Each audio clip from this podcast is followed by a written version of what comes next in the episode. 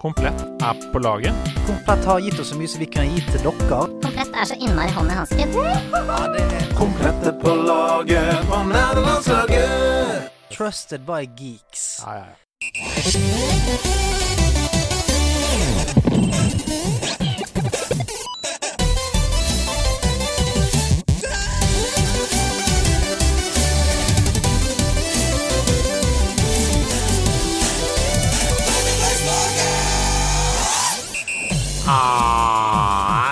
Ikke deilig? Vet du hva jeg har tenkt å åpne med å si i dag? Jeg har tenkt å si dra glasset bortåt krakken, for det er en Brynestad som er på plass. Og han er klar for å gi dere noen herlige minutter med nerdelands lagstoff.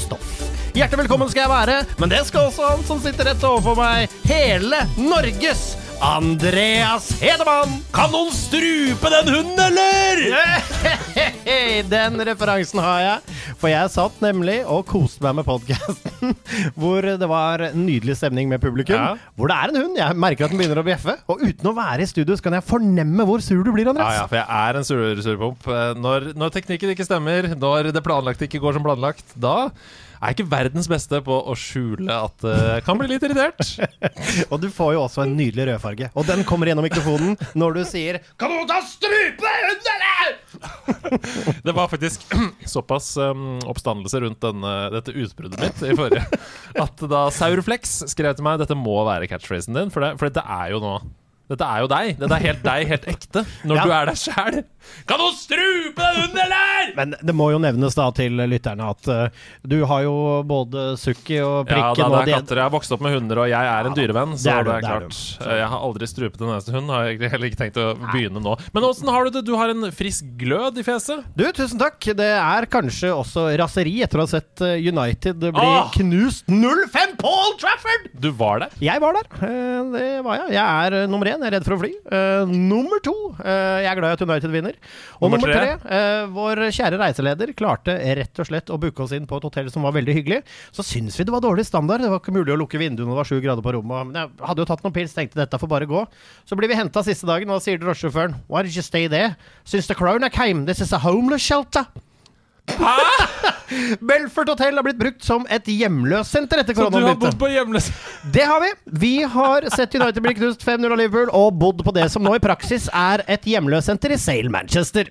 Kan vi da også legge til at det var første gang du var på Old Trafford, og dette var din Nei, dette var ikke første gang jeg var på Old Trafford. Altså, heldigvis. Jeg jeg nei, å, nei, nei, nei, nei, gæren. Der har vært, eh, det har vært flere ganger, så Men det er første gang jeg var på Belfort hotell. eh, Og det, er ikke, og det er ikke Belfort eh, hotell. Det er et hjemløssenter. Men dette handler heldigvis om TV-spill, um, og ikke om uh, fotballopplevelser, for da hadde det vært uh, en begravelse, uh, denne podkasten. Det hadde det vært. Det får vi ta i We Podcast. Ja. Jeg har det også bra. Det er to ting som jeg har lyst til å meddele før vi går videre her. Og det Ja. første er jo at vår kjære kaptein, grunnlegger Stian Blipp, har blitt pappa! Bowie Blipp. Bow. Bowie Blipp. Det er så kult navn! Det er veldig bra navn. Han har også blitt far, eh, og Jamina Blipp også, kona, de har blitt foreldre til en sønn. Og det er en glede. Og dere kan gå inn på Stian sin Instagram-profil og lese mer om det. Det var ganske dramatisk der. Ja, jeg hadde eh, hjertet i halsen. Uh, Ja. Og vi, vi er jo i en slags eh, nerdelandslaget WhatsApp-gruppe der vi fikk følge det litt underveis, og det var ikke så gøy, altså. Nei, det var uh, dramatisk. Ja. eh, og man må jo bare være meget glad for at det gikk så bra som det gikk. Ja, og ikke minst for at vi bor i Norge med et helsevesen som sto klare på alle mulige måter. Så det er veldig bra. Over til noe veldig Det er jo kjempehyggelig. Det er en stor glede at Stian har blitt far, men det var jo dramatisk. Så over til noe som er helt udramatisk og bare hyggelig. Bare og hyggelig. det er altså en stor glede for meg å nå kunne fortelle dere alle sammen at fra og med 1. desember så begynner jeg å jobbe 50 med nerdelandslaget. Det er nyhetene vi har ventet på! Nerdelandslaget! Er det mulig? Det vil si at jeg kommer til å bruke halve arbeidsuka mi eh, på nerdelandslaget, i tillegg til all den fritiden da, som jeg bruker i dag. Mhm. Men tenk på det! Dette blir jobben min! Altså, vet du hva? Du kommer altså til å hate dette i løpet Nei, nei, jeg bare tuller! Dette er meget gledelige nyheter, og dette betyr jo uh, for dere kjære lyttere og kjære lag at Ja. uh, nerdelandslaget er jo i ferd med å gå pro. Det er helt sjukt. Det begynner å skje ting. Det første som skjer, det er en YouTube-serie. Det er den første dere merker. Men Um, det kommer også til en annen konsekvens, at det kommer til å dukke opp litt flere annonser da, i podkasten enn det gjør i dag. Uh, og det er bare for at det skal være bærekraftig, rett og slett, økonomisk. Uh, men dere må ikke fortvile. Vi kommer ikke til å ha produkter som ikke kan stå for selv. Vi har sagt nei til masse allerede. Dette vet jo du. Vi har Ja. sagt nei til forbrukslån, vi har sagt nei til gambling. Så Um, fra, ja. fra nå av så blir det stort sett bare hundestrupere. Har du en bråkete hund, kjøp nye Hedos hundestruper. Nei, vi kommer til å fortsette med det og være veldig strenge redaksjonelt der på hva vi tillater. Så um, alt i alt så er bare dette det beste som kan skje med nederlandslaget. Jeg kan jobbe med det. Det betyr så mye. Tenk å stå, stå opp på mandag morgen og begynne å liksom lage innhold. Ja, det er altså- fantastisk! Altså, du vet hva, Det fins ikke noe som er bedre, og du er en, uh, ingen hemmelighet at du er en primus motor for denne podden. Og nå som du får frigjort enda mer tid Altså, vi kommer altså, Den kvaliteten vi allerede holder! Hæ? For Ja, å blåse i vårt eget horn! Tenk deg nå! Nå kan det bare bli bedre. Og det Ja. eneste du trenger å forholde deg til, er at du må sende kodeord 'nerdelandslaget', strup den hunden, og så får du et bilde av oss på den. Ja, men, det ble, men ikke sant, det er som du sier, det blir mer liveshows, det blir mer livestreams, ikke minst. Veldedig-streams, andre ting. Så ja, det er bare positivt, dette her. Men nå er dere lei av å sitte og høre på oss. For dere har trykka på denne podkasten fordi dere har sett gjestens navn i overskriften Å. Mine damer og herrer. Dagens gjest er en svært driftig fyr fra Romerike. Under koronapandemien så har han brukt tiden til å passe på at folk ikke går der det står gravemaskiner, legger ferdig gress, drar ut asfaltmasse og bygger gangfelt, men han har også skapt seg et hyggelig community på 3000 mennesker på Twitch, der han bl.a. spiller Apex Legends og ønsker seg Pepsi Max-emoji. Han elsker å kjøre båt om sommeren, har lappen på tung motorsykkel, kledd seg ut som zombie på halloween for seks år siden, og tapte soleklart i en episk sangduell mot Maren Lundby, der elektrisk av Marcus og Martinus ble utslagsgivende, som så mange ganger før i musikkhistorien. Dagens gjest bruker mye tid på DJ og produsere musikk på sin MSI-laptop, men vi kjenner ham best som skihopper en haug med pallplasseringer og tre individuelle førsteplasser, annet i de tradisjonsrike nyttårshopprennet. Ta vel imot DJ, musikkprodusent, gamer og juniorverdensmester med Norges mest kjente visdomstann, Marius Lindvik! Hjertelig velkommen. Jo, tusen takk. Der sitter han! Der sitter den. Ja, Pepsi ja, ja. Max-emoji og Norges mest kjente visdomstann. Hva? Ja, jeg får det på. Få det på! Få det på. Men forklar. Norges mest kjente visdomstann. Ja, det var jo i hoppuka i fjor vinter, da. Ja. Da begynte det litt smått med litt uh, tannproblemer. Og så skulle jeg hoppe hopprenn uh, om to dager, så da dro jeg til tannlegen og prøvde å få en liten quick fix på det, da, men uh, det gikk ikke planen. Dytta i meg smertestillende og fikk banka gjennom et hopprenn, og så var det et hopprenn dagen etter der igjen òg, og da var det stopp. Så da var det rett inn på sjukehuset og Ja, for da klarte du ikke å åpne munnen lenger? Nei, jeg fikk kjevelås, og det, var ikke, jeg klarte ikke å få putta smertestillende piller inn i munnen, fordi tenna ville liksom ikke åpne seg Nei, nok. Da. det jeg leste var at i den perioden her så, Altså Jeg fulgte jo med på dette, for jeg er jo hoppinteressert. Så jeg så jo på hoppuka eh, og drama, og du, var noe helikopter der. Du måtte fraktes til Nei, du ble kjørt av støkkel til en annen by, eller noe greier. Ja, jeg ble kjørt, uh, kjørt av støkkel fra Garmisch-Partenkirchen til uh, sykehuset i Innsbruck, der jeg ble lagt inn og lå der i tre-fire dager. Men det er ganske rått. altså I denne perioden her så har du da bare spist flytende mat lenge for å For du klarer ikke å åpne munnen! Nei, det, Du klarer ikke å tygge. det blei mye milkshaker og sånn, ja. Jeg måtte jo få i meg noe, så det var jo Men da bare sila det mellom tenna, da. Ja, jeg måtte jo bare få nedpå nå, ikke sant. Det var det viktigste. Faen, altså, at visdomstenner skal stikke kjepper i hjulene på den måten. Altså, men etter du fikk det Du regner med at du fjernet den. Ja, jeg måtte jo det. Men da får du jo også kvitta deg med litt eh, mindre motstand. Hoppe, har du hoppet lenger etter tanna ute?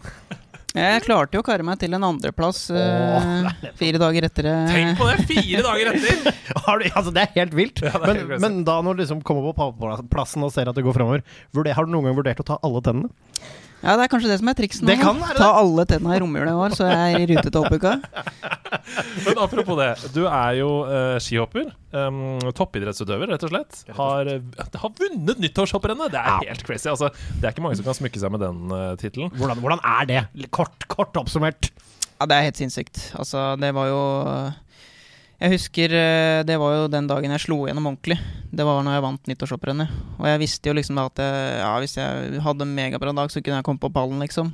Og så var det jo perfekt timing, da. Det mest sette hopprennet i hele verden. Der skal skulle jeg kline til. Ja, ja, ja. Han, eh, bare, bare fortsett. Det er Andreas som nå må gå og si 'skru ned musikken', fordi det koker på House of Nerds. Men her står du. Du, du, du tråkker til. Det er mest sette. Og hvordan er det når du merker at du får eh, Du merker vel når du treffer? Ja, ja, du får uh, ordentlig flyfølelse. Det kjennes som du blir løfta bakfra og bare stikker rett ut av bakken. Det høres så digg ut. Det er liksom det er en av de tingene som jeg har gjort at jeg har hatt mest lyst til å hoppe på ski da, i mitt liv. Fordi den der følelsen av sånn Av å fly, da. Altså Det Ja. føles som om du blir Du tar av, på en måte, som menneske fra bakken. Er ikke det helt sjukt? Jo, det er det som er sinnssykt morsomt med skihopping. Altså, ja.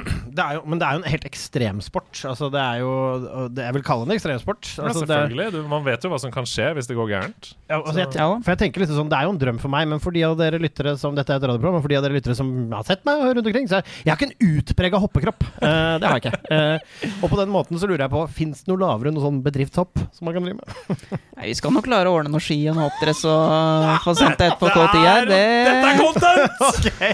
altså Du fortalte jo også at i nærområdene så var det noen ildsjeler som hadde bygd noen lavere divisjonsbakker for barn. Er ikke det et sted å begynne? jo, jo, det er det jeg tenkte, da. Ja. K10. K10? K10. Tror du K10. overlever den skrotten er en K10? Ja, ja, ja. Bare kjøre over. dette Skli skjer. over. Dette skjer. Og det som er gøy også, er at dette, den klubben vi snakker om nå, det er jo Rælingen eh, hoppklubb. Skiklubb. er det det? Rælingen skiklubb. Rælingen skiklubb. Og det er jo rett borti gata for der jeg bor. Så det betyr at vi kan gjøre det til en langhelg, en oval weekend med Med stream. og julebord og skihopper. Seb i K10 på Rælingen. Også jeg som drar til på sjølveste ja, Nyttår er vel du sikkert opptatt av på nyttårsrennet akkurat der. Eh, det. ja, vi får ta det litt etter det, da. Men, Men ok, eh, håper da det, sier du. Hvordan, hvordan ligger du i rute til sesongen? Er du, føler du deg klar? Er det, er det noe som gjenstår? Ja, jeg føler jeg egentlig har uh, hatt en veldig positiv uh, opptrening i sommer. Og eh, har vært i bedre form enn jeg har vært tidligere somre, så jeg føler meg ganske i rute. Altså. Jeg pleier egentlig ikke å være noe sommerhopper, men eh, det har kommet seg ganske bra i sommer, så jeg føler meg eh, i rute til World Cup-start nå. Når er World Cup starta? Det er om tre uker. Oi, Oi, oi, oi. Altså, er det sånn Er det, er det mulig for nå, som, nå er du jo på nerdelandslaget også, så vi er veldig interessert i Vi er veldig interessert i å liksom altså, Du lukter edelt metal her. Tror du, har, du, har du det i det? Ja, altså hvis eh, jeg har en god dag og presterer to gode hopp, så er det muligheter, absolutt. OL, OL, OL, OL, OL. Ok. Ok, greit. Men dette er jo ikke ho- Nei. hovedsakelig en. Nei, det handler ikke om sport, selv om veldig mange på nederlandslaget er veldig nerdete på sport også. Vi har jo en egen sportskategori inne på Discord der hvor det koker når det skjer store events, og under OL så er det ikke fred å få i den kanalen. Nei. Eh, men eh, jeg sa jo i introen her at du bruker mye tid på DJ-ing og produsere på din MSI-laptop. Eh, og vi vet jo fra tidligere gjester i nederlandslaget som har vært idrettsutøvere, at det er mye venting, eh, restitusjon etter økter og sånne ting. Um, så du, du bruker kanskje en del tid på å game på den laptopen nå, eller? Ja, det blir en del gaming. Oh! Altså, Det er musikk i våre ører.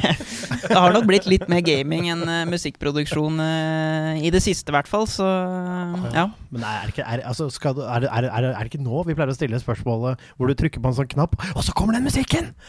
Og så skal vi spole tiden litt tilbake nå, ikke sant? Som Andreas pleier å si. Og så skal vi stille deg spørsmålet Hvor begynte det egentlig for deg med gaming? Nei, det starta jo egentlig eh, når jeg fikk min uh, første Gameboy Advance, da. jeg Det, får gåsehud! ja. det blei fryktelig mye Pokémon. Oi, oi, oi. På Gameboy Advance da var det vel kanskje um, Sapphire, Ruby Sapphire, var det det? Diamond Pearl? Diamond Pearl? Ruby. Oh, ja. Ruby. ja. Du kan din Du- Pokémon-law. Ja. Altså, ikke kom her, kom her. Men ok, Ruby, ja. og, og det var det som liksom fanga den første sånn ordentlige gaming-hooken, eller? Ja, det var da jeg begynte å, å bli interessert i, i gaming. Mm. Vi stiller jo alle som snakker om Pokémon Stiller det samme spørsmålet om du har noen favoritter Noen favoritt-Pokémon som, uh, som står igjen, kanskje fra Ruby spesielt. da Det var det første, altså. Ja, jeg husker jo Men jeg vet ikke om jeg husker navnet på den, da. Eh, Luigi? Nei. Nei. Uh, Lugia. Lugia. Lugia. Lugia. Tenk, jeg tenker på Lugia. ja, ja. Luigi, det er broren til Mario. Ja, Det er det. Men det er fort gjort. Tenk om det var omvendt. Det var mye morsomt. Det var noe på L, men det er så lenge siden jeg satte meg inn i Lugia, ja, men Lugia er magisk, da. Ja, ja, Eh, legendary, ikke sant? Ja, ja, ja. Og, og hvis du trekker en Lugia i Pokémon-kort, så er det alltid stor stemning. Det er det, det er det. Men uh, du, altså, du fanget Lugian. Altså, den kommer jo litt sånn Den er litt sånn, nesten litt endgame å få tak på, er den ikke det? Jo, den var helt på slutten av spillet. Mm. Uh, men uh, så du begynte med Lugia. Har du noen andre noen travere? Hvilken uh, starter hadde du? Eller er det Det er jo mange, det er jo mye navn og sånn her, så det er kanskje ikke lettere å huske sånn Eller uh, hvis du har noen favoritttype. Water, flying, fighting, fire. Er det steel? Er det Ice? Uh, psychic? Bare dropper alle. Ja, dra- drar inn alle der. Fairy. Fairy. Nei, jeg var jo litt fan av Water, da. Jeg Ja, var det var det. det. Det er en Waterman. Så jeg mener å huske at, eh, at jeg starta med det. Mm. Eh, Det er så lenge siden, vet du. Jeg husker jo ikke Var det Totodile som var i Ja da. det, da, tro? Det kan det være. Jeg har jo fra min liksom, storhetstid av Pokémon Hvis vi snakker water, da er det jo åpenbart Blastoise, Squirtle, eh, Lapras, ikke minst, som oh, kanskje nødvendigvis er, kanskje er ice, egentlig, selv om den kan drive og holde på i water. Er den dragon type, tro? Ja, det er mulig, det er mulig. det er mulig men, men, eh, men ja, det er mye deilig Pokémon. Ok, Hvor gikk veien videre fra Pokémon? For jeg regner med at du holdt deg på Advance en stund? Ja, det blei jo advanced et, eh, et par år, og så ble det DS etter hvert, og så ble det PlayStation 3. Ok, wow, wow, wow, wow, wow. Her har vi, her har vi masse- litt bort i Ja, svinga her. masse- Ja. Var det noen andre spill på Advance enn Pokémon som du husker som du spilte mye? Jeg mener jeg husker jeg spilte en sånn Rayman-spill. Oi, oi, Nå oi. oi. preker du til koret. Ja, for, altså Rayman Det er jo helt fantastiske spill i denne serien. Uh, men jeg kan ikke si at jeg har noe sånn kjempeforhold til Gameboy Advance-spillet. Um, jeg bare ser her Hodlum, Hodlums Revenge. Hodlum Havoc. Ja, Hodlum Havoc lurer jeg på Ja, for det det er var nummer tre. Rayman Advance ser det også ut som er et spill her. Fordi kom ikke eneren på en av disse Det var kanskje seinere, det. Men Eller klarte de å pull der off på, på Vi at det ble emulert over til eh, Ja, det var noe sånt. det Ja, det kan hende. Kanskje det er Rayman Advance? Det første spillet? Kan hende. Eller vi bare snakker. Men det, da, altså, jeg må jo, de første her, det er jo såkalt uh, portables, uh, håndholdte. Var det fordi du allerede som kid og var mye ute på farta og hoppa på ski? Da hadde jeg faktisk ikke begynt å hoppe på ski ennå. Du hadde ikke det! Nei, jeg hadde ikke det. Men eh, Hva var det du drev med på den tida? Dere? åh, hva drev jeg med da? Jeg var jo, var jo alltid Jeg drev jo med fotball, og jeg drev jo med Var innom badminton, jeg var innom håndball, jeg var innom langrenn, så jeg har jo prøvd litt av hvert, da. Ja, Det altså, der er liksom den norske modellen. det. Å å bare prøve masse forskjellig, og så spesialiserer man seg etter hvert. Altså Ja. Det eneste jeg kan si at jeg liksom har vært ordentlig innom på samme måte der, er badminton. Det føler jeg har vært ordentlig innom, men det er mest på hytta og sånn. Men jeg har også vært innom det. Det, altså, det, altså, det er jo en veldig krevende sport, jeg har skjønt det for proffe. Altså. Ja, Men herlighet er til kondis. Ja. eh, Det, det er helt sjukt. Ja, må ikke undergrave badmintonmiljøet her. Nei, men ok. Um, game, DS, videre dit. Du er fortsatt en Nintendo-mann her. Er, fikk, Ja. du, fikk du konsoller av foreldra dine, eller var det noe du ønska deg? Eller? Dette, Jeg ønska meg sånne ting til bursdag og jul og sånne ting, da. Mm, Og hvis ikke så måtte jeg jo spare opp og kjøpe det sjøl, da. mm. Det er klassisk gamle skolen her. Sånn skal Ja. det være, mener Ja, det må jo være det. Ja, ja. Det må jo være det. Skal, skal, da blir du mer glad i tinget nå. Ja, ja? Ja. Jeg husker når vi fikk spill og sånt til jul, du blei jo så sinnssykt glad, vet du. Du hadde jo ønska dette i flere måneder, ikke sant. Det er litt ekstra glede i det. Ja, ja, åpenbart. Men har, har du liksom et spill eh, som du husker at du fikk til jul, som var sånn Det har jeg venta på! Jeg husker eh, på DS så kom jo det Pokémon-spillet Pokémon Diamond. Mm. Uff.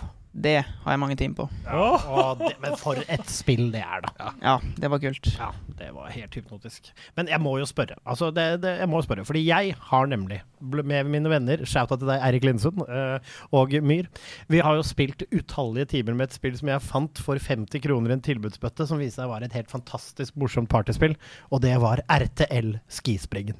Har du spilt RTL Skispringen? Nei, dessverre, men Ah, eh, nei! høres ut som noe jeg har lyst til å prøve. Åh, vet du hva? RTL Skispringen hadde ingen rettigheter, og du kunne spille som amerikaneren George Bosch, som var vår favoritt.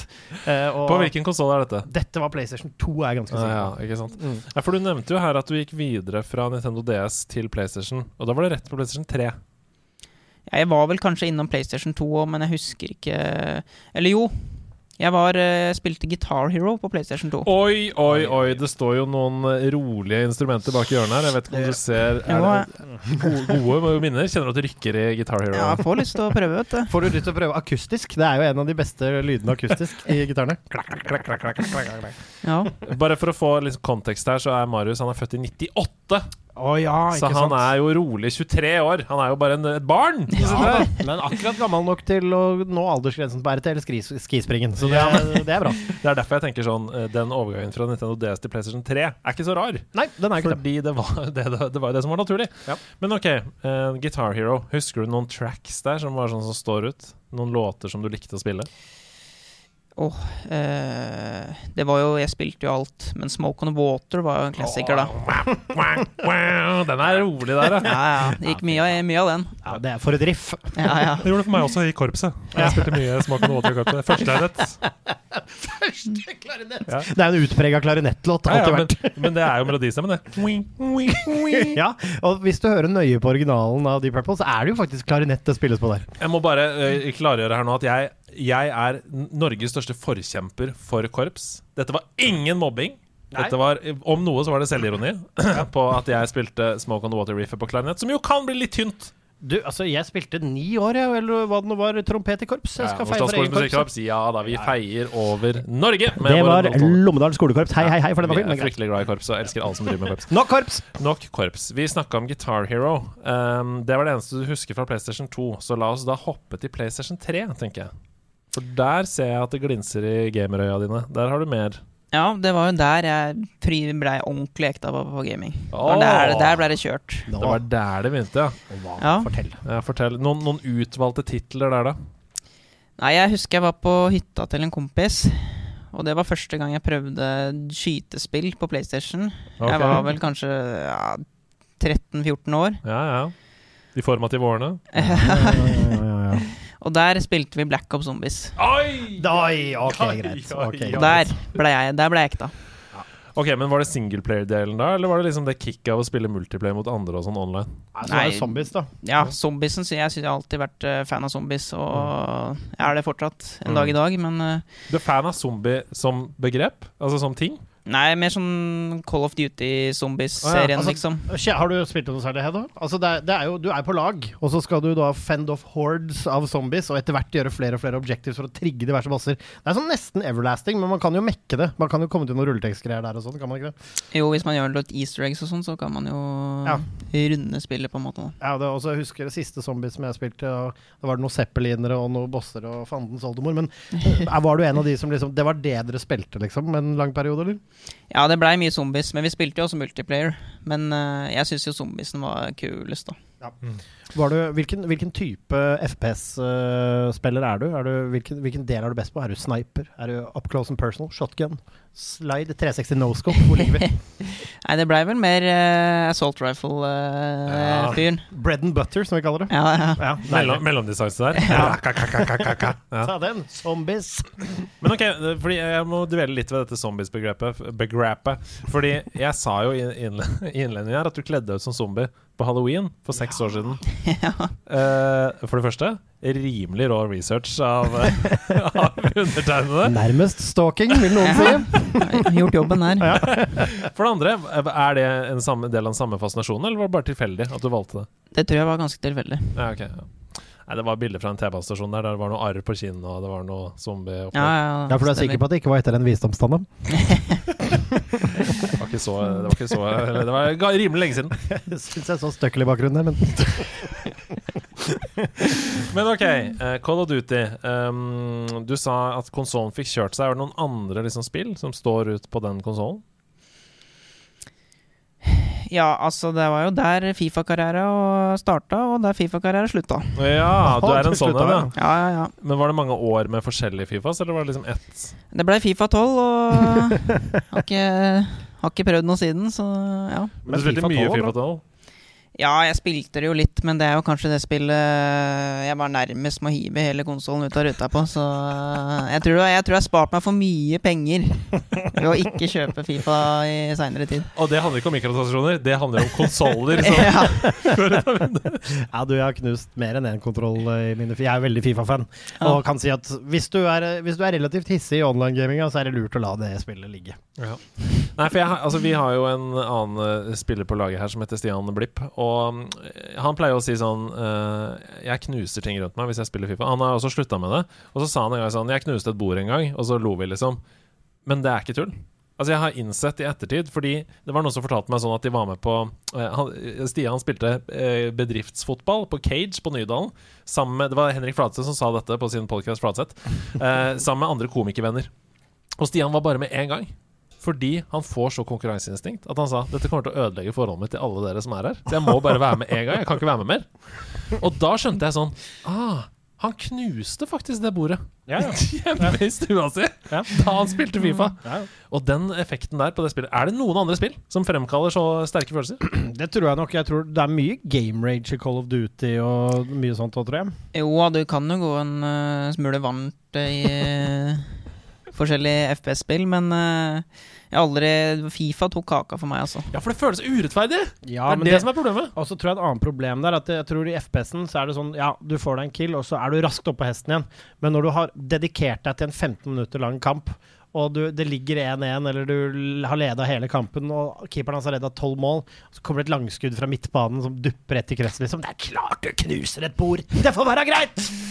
Ja, for, ja, for meg så er det også sånn at uh, hvis jeg ligger under 3-0 etter tre minutter av de 15 minuttene, så er det sånn Hvorfor skal jeg gidde å spille 12 minutter til nå? Jeg kommer bare til å bare sakte dø, liksom. Ja, jeg elsker Fifa, da. Jeg liker konkurransen og tar, tar, tar på vinn med samme sinn. Men jeg har lært meg at jeg, altså, noen ganger så må jeg skrike puter. Jeg har klart å la være å ødelegge ting etter hvert nå. Ja, jeg skjønner jo at folk blir hekta på Fifa. Det er jo et veldig morsomt og kult spill. Men uh, ja, jeg har ikke blitt helt blitt eh, bitt av den basillen.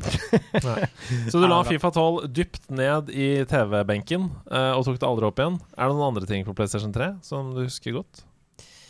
Eh, eh, eh, Har du noen gang vært noen singleplayer-fyr? Liksom? Har du spilt sånne spill som ja, plattformspill, sånn som eh, Du snakket, nevnte Rayman i stad. Uh, Spyro, uh, for eksempel.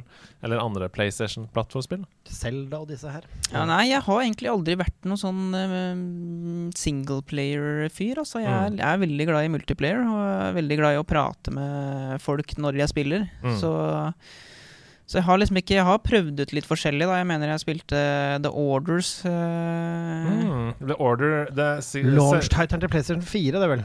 Ja, det er Order mulig. 1664, er det Ja, det? forferdelig dårlig spill. Ja, jeg ble ikke helt bitt av den heller. Nei, nei, men det var jo et ordentlig makkverk. Det ble jo som, mer som en sånn tech-demo eh, som bare hadde lite gameplay. og- 1886 var det. Ja. 1664, det er en øl. Ja, så er en øl. Eh, Men ja, nei, The Order det var launch-title på PlayStation 4, er jeg 90% sikker på. Ja, det kan stemme, det, også. Ja. For nå er vi da over i PlayStation 4. Og, men eh, det tegner seg et mønster. da. Du er toppidrettsutøver, og du liker best competitive spill også, eller? Ja, jeg er jo, er jo glad i det. Det er jo det jeg har blitt mest de siste åra. Det er konkurrering, rett og slett. Ja. Er du en god vinner? Ja, jeg vil si det. Ja. Ja, det, det liker vi. Har flere kompiser som er verre vinner og taper enn en meg, så ja. ja no, no. Så det er ikke noen som går rundt bordet og bare næ, næ, næ, næ, næ, næ, næ, når du vinner? Det hadde vært fryktelig slitsomt å, å vært med meg. Å oh, ja, for du måtte gå hele tiden? Oh! Shots fired. Fired! Her er det en som streamer på Twitch. Det er en som streamer på Twitch og vinner hopprenn. Nei, det er gøy. Nei, fordi mm, det er jo flere av de samme mm, ja, idrettsutøvere som har vært der før, som sier det samme. At det der, den driven kommer fra eh, konkurranse. Da. Eh, Det ønsket om å liksom stå ut og, og, og prestere og vinne og skille seg fra mengden, liksom. Og være bedre. Er du noe god i noe? Ja. Nei, jeg er helt middels, vil Ja. si. Så jeg, I det siste så har jeg blitt en del eh, Apex, Mm. og spilt en del Valorant eh, i sommer òg. Mm. Så ja, jeg var jo oppe i Gold 2 i Valorant. Så, Ja, det er ikke verst. Det er bedre enn meg. Ja, det har jeg ikke spilt noe Valorant Nei, for jeg har spilt det to ganger, og jeg var helt ræva. Så det, det er bedre enn meg. Men Apex, da? Hvor ligger du? Eh, ja. Jeg er jo oppe i Gold der òg, da. Ja, du, du er oppe og nikker, da. Men Men er, hvem er det du mener, da? Eh, jeg har blitt, uh, brukt en del Octane i det siste. Ja. Jeg har fått uh, Syns uh, jævla kul karakter. Mm. Fått, uh, fått for liten? Ja. Hva er liksom, fordi Det som er fint med Apex, Det er jo at i tillegg til at det er vanlige FPS-spill, altså Battle Royale, så har du disse ultene og sånn da, i tillegg. Altså Du har sånne superkrefter. Hva, hva er det med Octane? Som, er det noe av det Er du god til å utnytte den ulten, f.eks.? Jeg har, noe, jeg har blitt bedre enn siste, i den siste, mener jeg i hvert fall. da Mm. Så nei, du har jo um, den stimshoten som gjør at du løper fortere. Mm. Og så har jo ultimaten er at du kaster en sånn uh, launchpad som uh, alle kan benytte. da Mm. Så du kan uh, gjøre noen uh, morsomme og sjuke plays med Octane. Ja, for det er high mobility han er, ikke sant? så det er Ja. Impossible to catch. Mm. Få deg på avstand, kjøre ranged. Ja, Eller raskt in your face òg, da. ja det ras raskt in your face funker uh, som regel bedre. Ja. Hvordan er aimen din? Er du, liksom, er du rå på aim, eller er, du, eller er det mest liksom, in your face? Nei, jeg har uh, Ja, jeg vil si jeg har et OK aim. Men det skal jo sies at jeg starta jo med å spille PC for bare et år sia. Å ja. Ja, for du spiller Apex på PC. Ja. Det er ikke på konsoll. Nei, det, er- jeg gjorde, i starten, når Apex var nytt, så spilte jeg på PlayStation. Mm. Så jeg har alltid vært PlayStation-fyr. Alltid spilt konsoll. Mm. Mens i fjor så kjøpte jeg meg eh, PC, og var veldig fornøyd med det. Så Mm. da lærte jeg meg å spille på mus og tastatur, og nå så spiller jeg bare mus og tastatur, så jeg er fornøyd med det. Men har du med deg eh, mus og tastatur og PC på eh, på liksom turné, om du vil, da? Altså på når du skal ut og hoppe? Ja, jeg, I fjor så kjøpte jeg meg en bærebar bærbar gaming-laptop. Mm. Som, eh, fordi den MSI-en som eh, du har gjort research her, den, eh, den begynte å synge litt på siste verset, så eh, det. Så jeg måtte kjøpte meg en ny en, som, eh, med litt bedre grafikk og sånn. Mm. Og den har jeg hatt med litt på tur og, og gama litt på. Mm. Men faktisk. spiller du da på det innebygde tastaturet, eller spiller du liksom har du med eget tastatur eksternt? Nei, jeg spiller på det innebygde tastaturet, men jeg merker jo at det, et vanlig tastatur er hakket bedre, altså. Ja, du bruker ikke musepaden. Så gærent er det ikke. Det er ikke pekepaden på laptopen. Nei, nei, nei, nei, nei, nei, nei, nei, for da, det er for viderekommende. Nei, det går ikke. Da, da er det ikke noe vits å spille engang, spør meg. Nei, det er ikke det. Spille, spille FPS med mousepad, ja. oh, jo, men det er sjukt. Det er sjukt å få det til. og så klikke med den andre fingeren. Ja, jeg vedder på, altså, vet du hva? Jeg vedder på at det fins en kid som knuser oss i alle FPS-spill med bare den paden. altså, det fins Ja, Garantert. det finnes alltid noen Ja, i alt. Så jeg, jeg vedder på at det fins en person som kun er en torso med hode, som Ja. kan knuse oss i alle spill. Så Ja, ja, vet du hva? Altså, jeg, jeg tror også at vi går en tid i møte hvor det blir en egen Hvor du må dele opp gaming eh, online competitive for de som er født etter et visst år, og oss. Oi. Fordi jeg tror at vi, da, når vi når 40-50, og du, altså når du er 35, da, si det, så tror jeg rett og slett eh, kompetitive sjiktet Du kommer ikke til å ha nubbsjans. Nei. Det der er interessant, fordi um, menneskeheten utvikler seg jo hele tiden, ikke sant? Mm. Uh, som, som rase, om du vil. da. Um, og det er jo sånn at uh, visdomstenner, det er jo til overs nå. Uh, ref din visdomstann uh, som satt der. Uh, fordi det var jo noe vi trengte da vi bodde i huler og skulle spise kjøtt rett fra beina. og sånn? Da trengte man det ekstra settet med tenner for å gnage av knoklene. Og ikke bare det. Det var også fordi at du egentlig så skal du per statistikk miste en del av knusetennene dine i løpet av livet, for de skal råtne bort. Ja, ja. Og da blir det plass til visdomstennene. Mm. Så nå er det jo sånn at det fins mennesker, altså babyer, som fødes uten visdomstenner. Nettopp fordi det er menneske 2.0. Altså Vi har utvikla oss, vi trenger ikke de tennene lenger. Yep. Så med andre ord, kanskje om 500 000 år Oi. så fødes det babyer med sånn helt syke gamer-skills. Ja, det altså, hendene deres er mus. ja, men, ja, men de har, sånn, de har sjukere øyne, de har bedre hørsel, de har sånn oppfatning av 3D-space og sånn er bedre. Altså 13 fingre og greier for å henge mer med i micromanagingen og Hæ? Makroene bare Nå snakker vi. Ja, det snakker Okay, dette var en, en sidenote. Men ok, vi har jo sklidd litt over i det der som vi pleier å snakke om, sånn hva er det du spiller nå om dagen? Eh, og da kan du jo tenke sånn de siste seks månedene ish, da, for din del. Vi, vi, vi går fra uke til uke. Vi sitter her og prater hver uke. Ja. Men hva, er det bare Apex det har gått i den siste tiden? Eh, nei, det har egentlig spilt eh, Hvis du ser fra sesongslutt da i april, Mm, hvor jeg starta å, å streame litt og sånn, mm. da blei det veldig mye Valorant. Ja. Og da fikk du ganske mye god oppmerksomhet. Jeg så det var liksom 300-400 likes på Twitter og sånn, da du skrev sånn How do you like the stream today?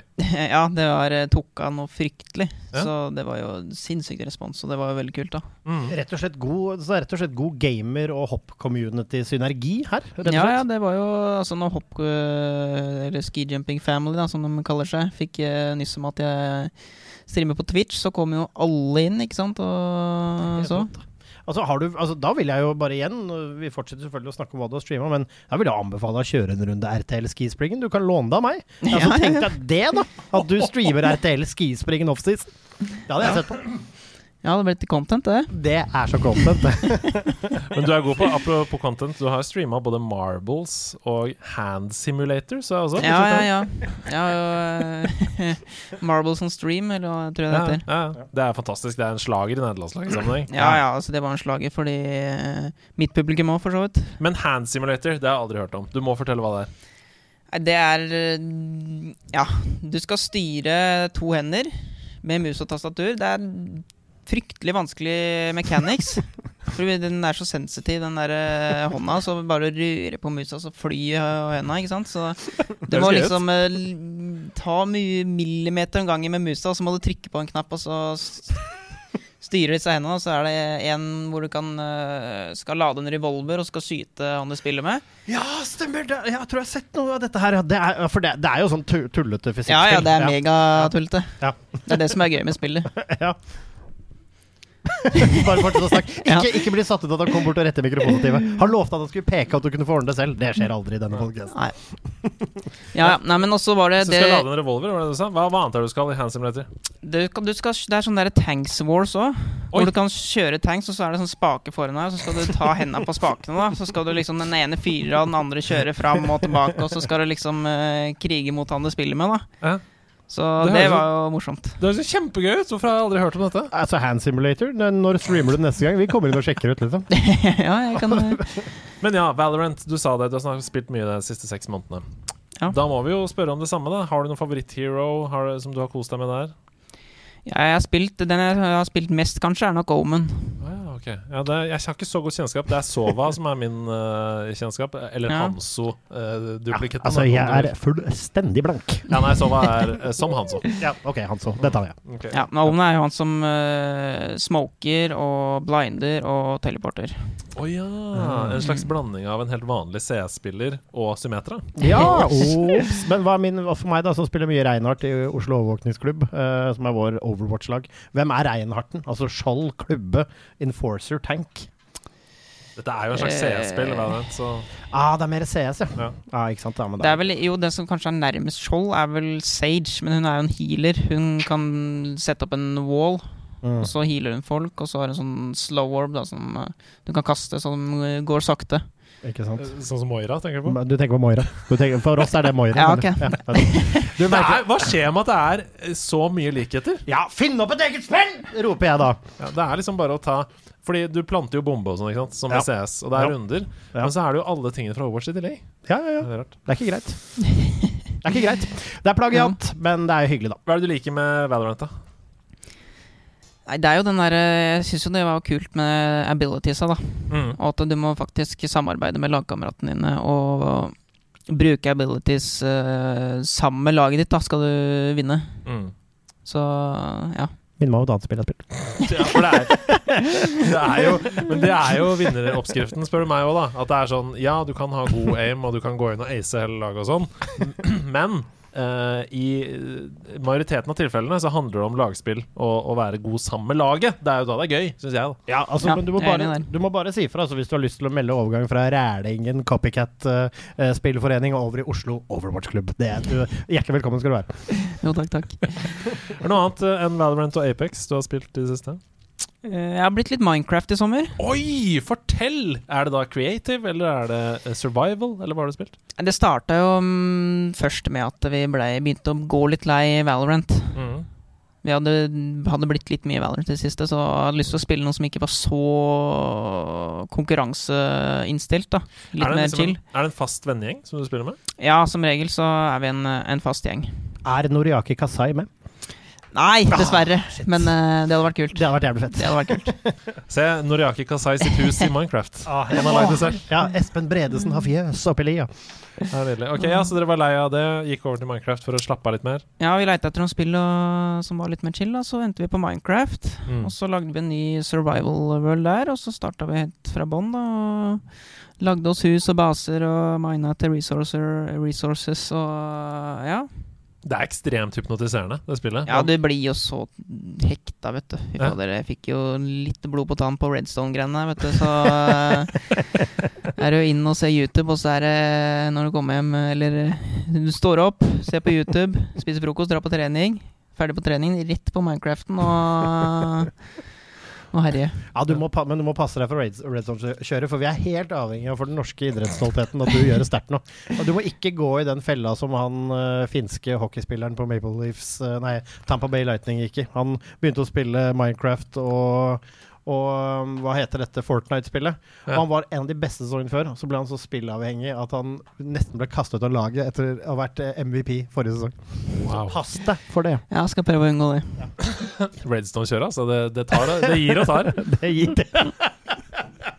Det blir ikke ekstra meter. Du strekker deg ikke mot bakkerekorden ved redstone farming. Det, så mye kan jeg si. Nei, det Men, ah, men ok, eh, apropos det, denne avhengigheten som vi snakker om her, da, fordi spillet er jo veldig kraftfullt. Um, har, du, har du vært innom MMO, liksom? Har du tenkt noe på World of Warcraft, New World, disse store spillene? Jeg har vært fryktelig nærme med å kjøpe New World. Jeg har Ja, det. ja.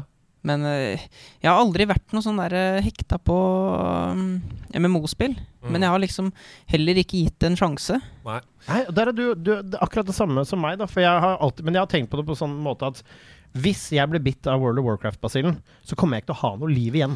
Nei, det er det, det er det jeg har bestemt meg for. Eh, eller meg for. Men så kom New World nå. Spiller du det, Andreas? Jeg tør ikke. Nei, ikke du heller! Fordi jeg Altså, eh, jeg kan 100 Nå har jeg hørt på deg eh, lenge. Det som er bra med New World Jeg har sett veldig mye på Twitch, nemlig. For å døyve denne kløen. Eh, og det som er bra med New World kontra f.eks. World of Warcraft, Det er jo at alt er bygd opp rundt um, en sånn war. Som Ja. man går til sammen med laget sitt innimellom. Så man bruker, Når du kommer til endgame, da, så bruker du veldig mye tid på å på en måte uh, minmakse uh, laget ditt for å gjøre deg klar til denne waren som er liksom jevnlig. Og der kommer det competitive inn, ikke sant? Ja. som våkner i deg. Så ikke bare er det sånn grinding etter som Minecraft, da. Finne ressurser, bli litt sterkere, litt bedre, få litt bedre ting. Men det er også et kompetitivt element som bare Nei, nei, nei. tvungen PVP! Å, nei, å, vet du hva? Å, å, herregud. Dette høres, dette høres for fristende ut. Og jeg kan si bare her og nå at du får ikke lov til å begynne med det før du har eh, lagt skiene på hylla. Jeg skal prøve å unngå det. Ja, det er bra. Ok. Men da er, da er du fornøyd med det du har spilt i siste? Det er ikke noe mer du har lyst til å legge til? Jeg har jo kjøpt meg VR, da. Oi! Det, Du dropper det på slutten! Altså. For en bombe! Hva spiller du i VR? Nei, Er det men, Hand okay. Simulator? Nå må vi først få klarhet der. Fordi å kjøpe seg VR, det kan være veldig mye i 2021. Ja. Hvilket headset, hva er det? Jeg kjøpte meg Oculus Quest 2. Å, det er bra! Ja, bra. bra. Oculus Quest 2 er bra, Ja, eneste er den duste Facebook-greia. Den kan du kvitte deg med. den kan du kvitte deg med, Ja. men du kan jo dra til Garmisch med Oculus Quest 2, for å si det sånn. Ja. Og da mener jeg fysisk og i VR. Altså du kan ta med deg VR. Ja, altså, du kan rett og slett ta deg en tur i Eventyrland mens du er i Partenkirchen. si. Det er ikke dårlig, det. Ja, nei, planen er å ha med litt på tur, da. Ja, Prøve å få de andre gutta litt hekta på gaming her òg. ja fordi det er sånn spillerhotell og sånn, ikke sant? Spiller, sier jeg. Hopperhotellet. Hopperhotellet. Utøverhotellet, heter det Ja, kanskje. utøverhotellet. Men det er jo også spillerhotellet, for det er gamer på hotellet. Oi, De hopper i bakken, mann. oi, oi. Fordi der er det litt tid å slå i hjel, og da henger man kanskje eh, tradisjonelt har spilt litt kort og brettspill og sånn, men Ja, det blir jo Altså, det var en grunn til at jeg kjøpte meg PC og begynte å game litt på tur uh, i fjor her. For det blir jo litt dødtid. Det Ja. gjør jo det. Ja. Så da er det jo smooth å ha ikke bare serier å se på, liksom. Du blir lei YouTube etter hvert òg. Ja, ikke sant? Men hva med å prøve å narre sin største konkurrent inn i New World? Kan Oi, det være en oi, taktikk? oi, oi. Kan, altså, har vi, altså, er det her på nerdelandslaget vi på en måte knekker all motstand for eh, deg, Bakken og fremover? Ja, mulig. Det er, hvert fall det. Slagplanen er klar, i hvert fall. Ja, for du kan bare si sånn Hey guys, I've been playing a lot okay. of New World. hvem er det som er den største konkurrenten kommende sesong? Åh, det er jo liksom? eh, mange sterke, da. Mm. Men uh, hvis vi ser på siste sommer-Grand Prix-rennet før, uh, før vinteren her, så var det jo japaneren Ryoyo Kobayashi som var uh, sterkest. Ja. Og så er det jo Halvor Granerud som også er oppe og nikker der, du må ikke spenne bein på egen landsmann. nei, nei, nei, nei, Granerud. Ikke New på deg heller. Jeg skjønner, jeg skjønner at det er individuell idrett, og du tenker selvfølgelig at ja, jeg skal spenne bein på Halvor Granerud, for jeg skal vinne sjøl. Men for vår del Ja, så sitter jeg hjemme. Vi vil gjerne ha både gull og sølv, vi, i OL. Men inntil Granerud Ja. kommer og setter seg i stolen her, så heier jeg mest på deg. Men det er det jeg skulle si, at Kobayashi, hvis noen der ute nå uh, Jeg vet f.eks. Manji på nærlandslaget, du kan jo japansk. Hasse kan jo japansk. kan han vel. Kan vi oversette en slags hilsen hvor du skriver eh, Kjære konkurrent, eh, respektfulle Kobayashi. Jeg har funnet et nytt online rollespill som jeg syns er helt fantastisk. Jeg har lyst til å spille det sammen med deg. Og så får vi bare Manji til å utgi seg for å være Ja! vår kjære gjest. Men jeg tipper at Kobayashi vet du, han er allerede jævlig god i Starcraft 2. Oh, ja, ja, Ja, for han er Nå er det fordommer over hele linja her. Hvorfor det? Fordi alle japanere er gode i Starcraft 2. Nei, det var ikke det jeg sa. Jeg tror han spesifikt. Jeg, jeg sa spesifikt han. Jeg sa ikke alle japanere. Jeg sa spesifikt han tror jeg er god i Starcraft 2. Så. Hva spiller du på Oculus Quest? Det var der vi var. Ja. Nei, altså, den første lasta ned, var jo Beat Saber. Åh, men det er kanskje det beste òg, Ja. Ja, jeg. det var jo lett å bli hekta, da. Det er jo fryktelig gøy. Mm. Ja, og så er det jo det er det jo litt grann trening òg, på en måte. Er det ikke det? Jo, jeg ble støl i bicepsen dagen etter, jeg. Så Og det kan vi ikke ha nå, så blir det ikke noe mer av dette. heller. Nei. Men ikke bare er det god trening. Du er jo jeg sa det litt innledningsvis, du er jo veldig glad i musikk. Eh, eh, hovedsakelig EDM, eller? Det er det som er sjangeren? Ja. Ja. Det er jo der eh, Det er det jeg liker best, på en måte. Ja, for du har jo både produsert litt, men vært mest DJ. Uh, det har kommet ut noen friske bilder der du har spilt på noen fester og greier. Ja, ja. Har noen jobber innimellom her. Så. Men det er jo fantastisk. Ser du for deg at du kan fortsette med det etter hoppkarrieren? Ja, jeg syns jo det er veldig morsomt. Mm. Så jeg er åpen for å spille litt, jeg. Er det noe julebord eller noe ting, så kommer jeg. Kan en Du altså, vet hva, Vil du spille på nerdelandslagets julebord i år? Ja, ja, ja, jeg stiller opp, jeg. Men, men, å, herregud, det er helt det Først skal du rett. hoppe KT, og så så er det rett på julebordet, og så får vi Å, fytti grisen. Ja, dette må skje! Men jeg har en, altså jeg har en idé. Altså, er den ideelle dagen for deg Er det å liksom, du hopper i Hva er det feteste rennet i året i utlandet som ikke er Norge? Hvor det er mest sånn party nede på Nede i unnarennet. Det tjukeste hoppuka i Hoppuka er ganske stort, men altså Sakopane i Polen, Ja. der, der koker der prater prater vi. Se for deg at du, du er oppe i toppen på Sakopane der, og du bare legger deg ut. Du setter ny bakkerekord. Du sklir rett inn på skia, og så bare sklir du rett inn i crowden, inntil et DJ-bord, og bare kick that shit. Oi, oi, oi! Og så er det oh. Nå prater vi her. Nå prater vi. Ja, ja, ja. Og du kan bare poppe hjelmen, for sånne briller er jo inne nå. Ja, ja. Så de kan du bare beholde på. Det er rett på sak, det. Og så Rett på headsetet. Ja. og- det er da altså Marius Lindvik-mix på sånn ligger klar i, Ja. i spilleren. Ja, altså, det første- det begynner bare med- Eller det begynner med du, må opp til åpne med jump around på Ja. skihopprenn. Ja. Jump, jump, jump. I EDM-mix. Åh, shit. Ja, Vet du hva, da kommer jeg. Hvis du planlegger noe sånt, si ifra til oss. Da kjøper vi billett. Kommer rett ned. Ja, ja, konge. Ok, Sebastian Brunstad, hva spiller du om dagen? Du har jo vært i Manchester, men det er jo noen uker siden du har vært her nå. Så hva, Ja. hva er det du fordyper deg i nå? Du, det har vært uh, uten tvil veldig mye Fifa, altså, for min del. Jeg skal Ja. være beint ærlig. Uh, det har, jeg liker veldig godt den nye Fifa, som jeg har nevnt tidligere. Så Det er jo ikke så rart. Det er jo sånn uh, For Fifa-spillere så er det jo de første to-tre månedene er jo helt Altså, da er det bare Fifa når det kommer rundt. ja, og det er litt det. Så det er veldig Fifa-tungt. Og så er dette spillet også det første spillet på lenge hvor det er midtbane inkludert. Du kan, det er ikke bare the same old, same old, uh, fart, fart, fart. Det Mm. er, du kan bygge litt nye lag, nye det er mye mer spennende med formasjoner, så jeg fordyper meg mye i det. Leser mye om det. Hva funker i metaen? Hva må man gjøre for å komme seg opp? Hvordan er det de forskjellige divisjonene? Så koser meg mye med det. Og så når jeg har trengt en pause, så har det faktisk kommer stadig tilbake til Chivalry 2.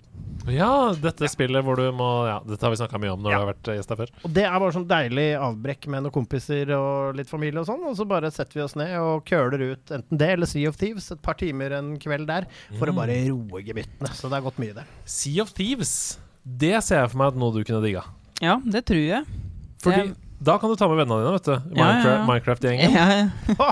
Og så har du den online kompetitive greia òg, for dere kan jo da ha et skip, og så kan dere senke andre tilfeldige folk som dere møter. ja. Nei, jeg, det var jo flere som ville at jeg skulle spille det når jeg drev og, og streama. Mm. Så, men jeg lasta den aldri ned, så Nei, det er inkludert i Xbox GamePass, så det er gratis òg hvis du har det. Og det koster jo bare 79 i måneden, eller sånn, så det er bare å ja, kline til med Sea of Thieves. ja kanskje det. Mm. Ja, og det det, det, det, er vennlig for venn, vennskap, og du mister ikke venner. Og det er ikke competitive på en kjip måte. Ja, men man er jo sammen, man er jo sammen på samme båt! Ja, det er det jeg mener. Nei, jeg, jeg var ikke ironisk. Det var ikke ironi. Det var sant. Da ja, slipper, ja. å bli, da slipper det å bli dårlig stemning. Ikke sant? Det er, det det- er, vi sitter i samme båt, bokstavelig talt! Det ble litt dårlig stemning for meg en gang, og jeg var sånn Du bemanna ikke kanonen riktig! Ja, men det er mer din organisatoriske krigshevd. Og den kommer, får vi ikke bukt med i noe vi gjør! Nei, det er, sant, det er sant. Det er derfor du skal jobbe med dette, fordi du har en voldsom driftighet. Ja, ja. Eh, er det noe annet du har spilt om dagen? Du, nei, det er egentlig de to tingene det har gått i. Så har det jo da vært litt Manchester og mye jobb. Så Ja. eh, gamingtiden har ikke strukket helt til. Jeg har jo endelig fått opp både konsollrommet og streamingrommet og alt inn i huset, så nå eh, koker det greit i de forskjellige rommene. Um, Kan jeg gjette hva du har spilt? Uh, ja. Overwatch. Jeg har spilt litt Overwatch. Det har blitt litt Overwatch ja. Ja, men, ja. men eh, jeg har jo denne høsten her Så har jeg blitt helt hekta på Skyrim igjen. Dette ti år gamle spillet. Fantastisk. Veldig synd med tanke på at det kommer en ny versjon med fisking, som jeg egentlig kanskje sikkert burde ha eh, Kødder du med meg? Nå kommer det Skyrim Fishing Edition! Nå er det nok! Nå har jeg fått nok av den Skyrim-relaunchingen Det holder nå! Det er ikke en ny versjon! Dere har fått inn fisk! Det er en knapt en delelse! Hvis det, altså, hvis det kommer én Skyrim-variant til nå, én! Så er det nok for denne fyren. Gjør det! Er, er, det, er det Special edition med fishing. Nei! He, hva heter det? Er det Big Mouth Billy Mass 2? Altså, det, det, altså hvor, Snakker om å piske en dau hest, men det viser seg ikke at det er en død hest i det hele tatt, for du koser deg med Skyrim om dagen. Ja, jeg gjør det. Og det er jo masse innhold der som jeg ikke har spilt før. Og det ante jeg ikke. Jeg har jo, jeg har jo flere hundre timer i det fra før, men f.eks. Dawnguard-DLC-en, som handler om vampyrhunting. Fantastisk DLC! Jeg har spilt den nå, og det, det slisa meg gjennom den historielinja der. Og det var noen nydelige missions på slutten her, som også overlatt noe til meg sjøl. Altså, det måtte ha kreativitet. Det var ikke sånn bare gå til denne markeren på kartet og gjør det der. Det var sånn Nå er du i et stort, åpent område. Her må du utforske. Ja. Fordi det vi skal fram til her, det er på en måte et slags puzzle som du må skjønne. Du må skjønne hva som skal skje underveis her. Det likte jeg veldig godt. Uh, Og så nå skal du svi av 100 kroner til for å tråle etter breifla på langs eh, ingen som helst måte. Jeg er ferdig. Um, jeg har spilt Mario Kart med nederlandslaget på Discord. Jeg har fortsatt på Metroid Dread. Det seiler opp til å bli et av de beste spillene i år, det. Uh, det skal jeg snakke mer om senere når jeg har kommet gjennom. Men det som jeg hadde lyst til å snakke om nå, Ja. det er fordi jeg har plukka opp denne månedens gratis spill på Oi. PlayStation Plus, nemlig PGA 2K21. Ja, du satt på nedlastet, altså. Ah, ærverdige golfspill. Golf Jeg elsker golf, jeg. Du vet hva, golfspill syns jeg også er ganske gøy, altså, sånn eh, tradisjonelt. Mange idrettsutøvere, når de er over med karrieren, begynner å spille golf. Fordi de, de opprettholder kompetitiviteten uten at de trenger å trene. For det er bare å tasse rundt på en bane. Ja da, det er flere av gutta som uh, spiller golf, skjønner du. Si, si, Inkludert meg. si det til Tiger Woods. Men er du, men er du tiltrukket av golf? Ja, jeg spiller jo litt golf. Og du gjør det! Ja, Jeg gjør det. Ja, ja, ja, ja. Wow, Og du har PlayStation? Har PlayStation, vet du. Dette er gratis på PlayStation Plus, og Ja. du, du spiller jo online, så du må jo ha PlayStation Plus. Ja, jeg lasta Eller jeg var innom PlayStation på søndag og sørga for at uh, Du, du har det i library, liksom? den ligger i libraryen. Ja, det er bra. Men er dette det helt nyeste golfspillet på Det markedet? er 2K21, så det er PGA Jeg vet ikke om det har kommet 2K22, det vet jeg ikke. Men dette er dritbra. Og Ja. det må jeg bare si med en gang. Dette er et kjempebra spill. Ja, kult. Uh, jeg har spilt jeg har blitt- blitt helt hekta. Jeg har spilt masse PGA 2K21. Kan vi spille mot hverandre? Ja!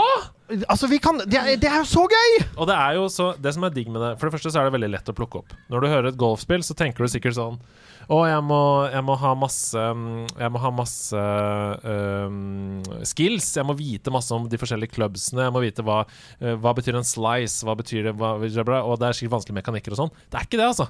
Eh, Det er veldig lett å plukke opp, og så er det masse dypere under overflaten.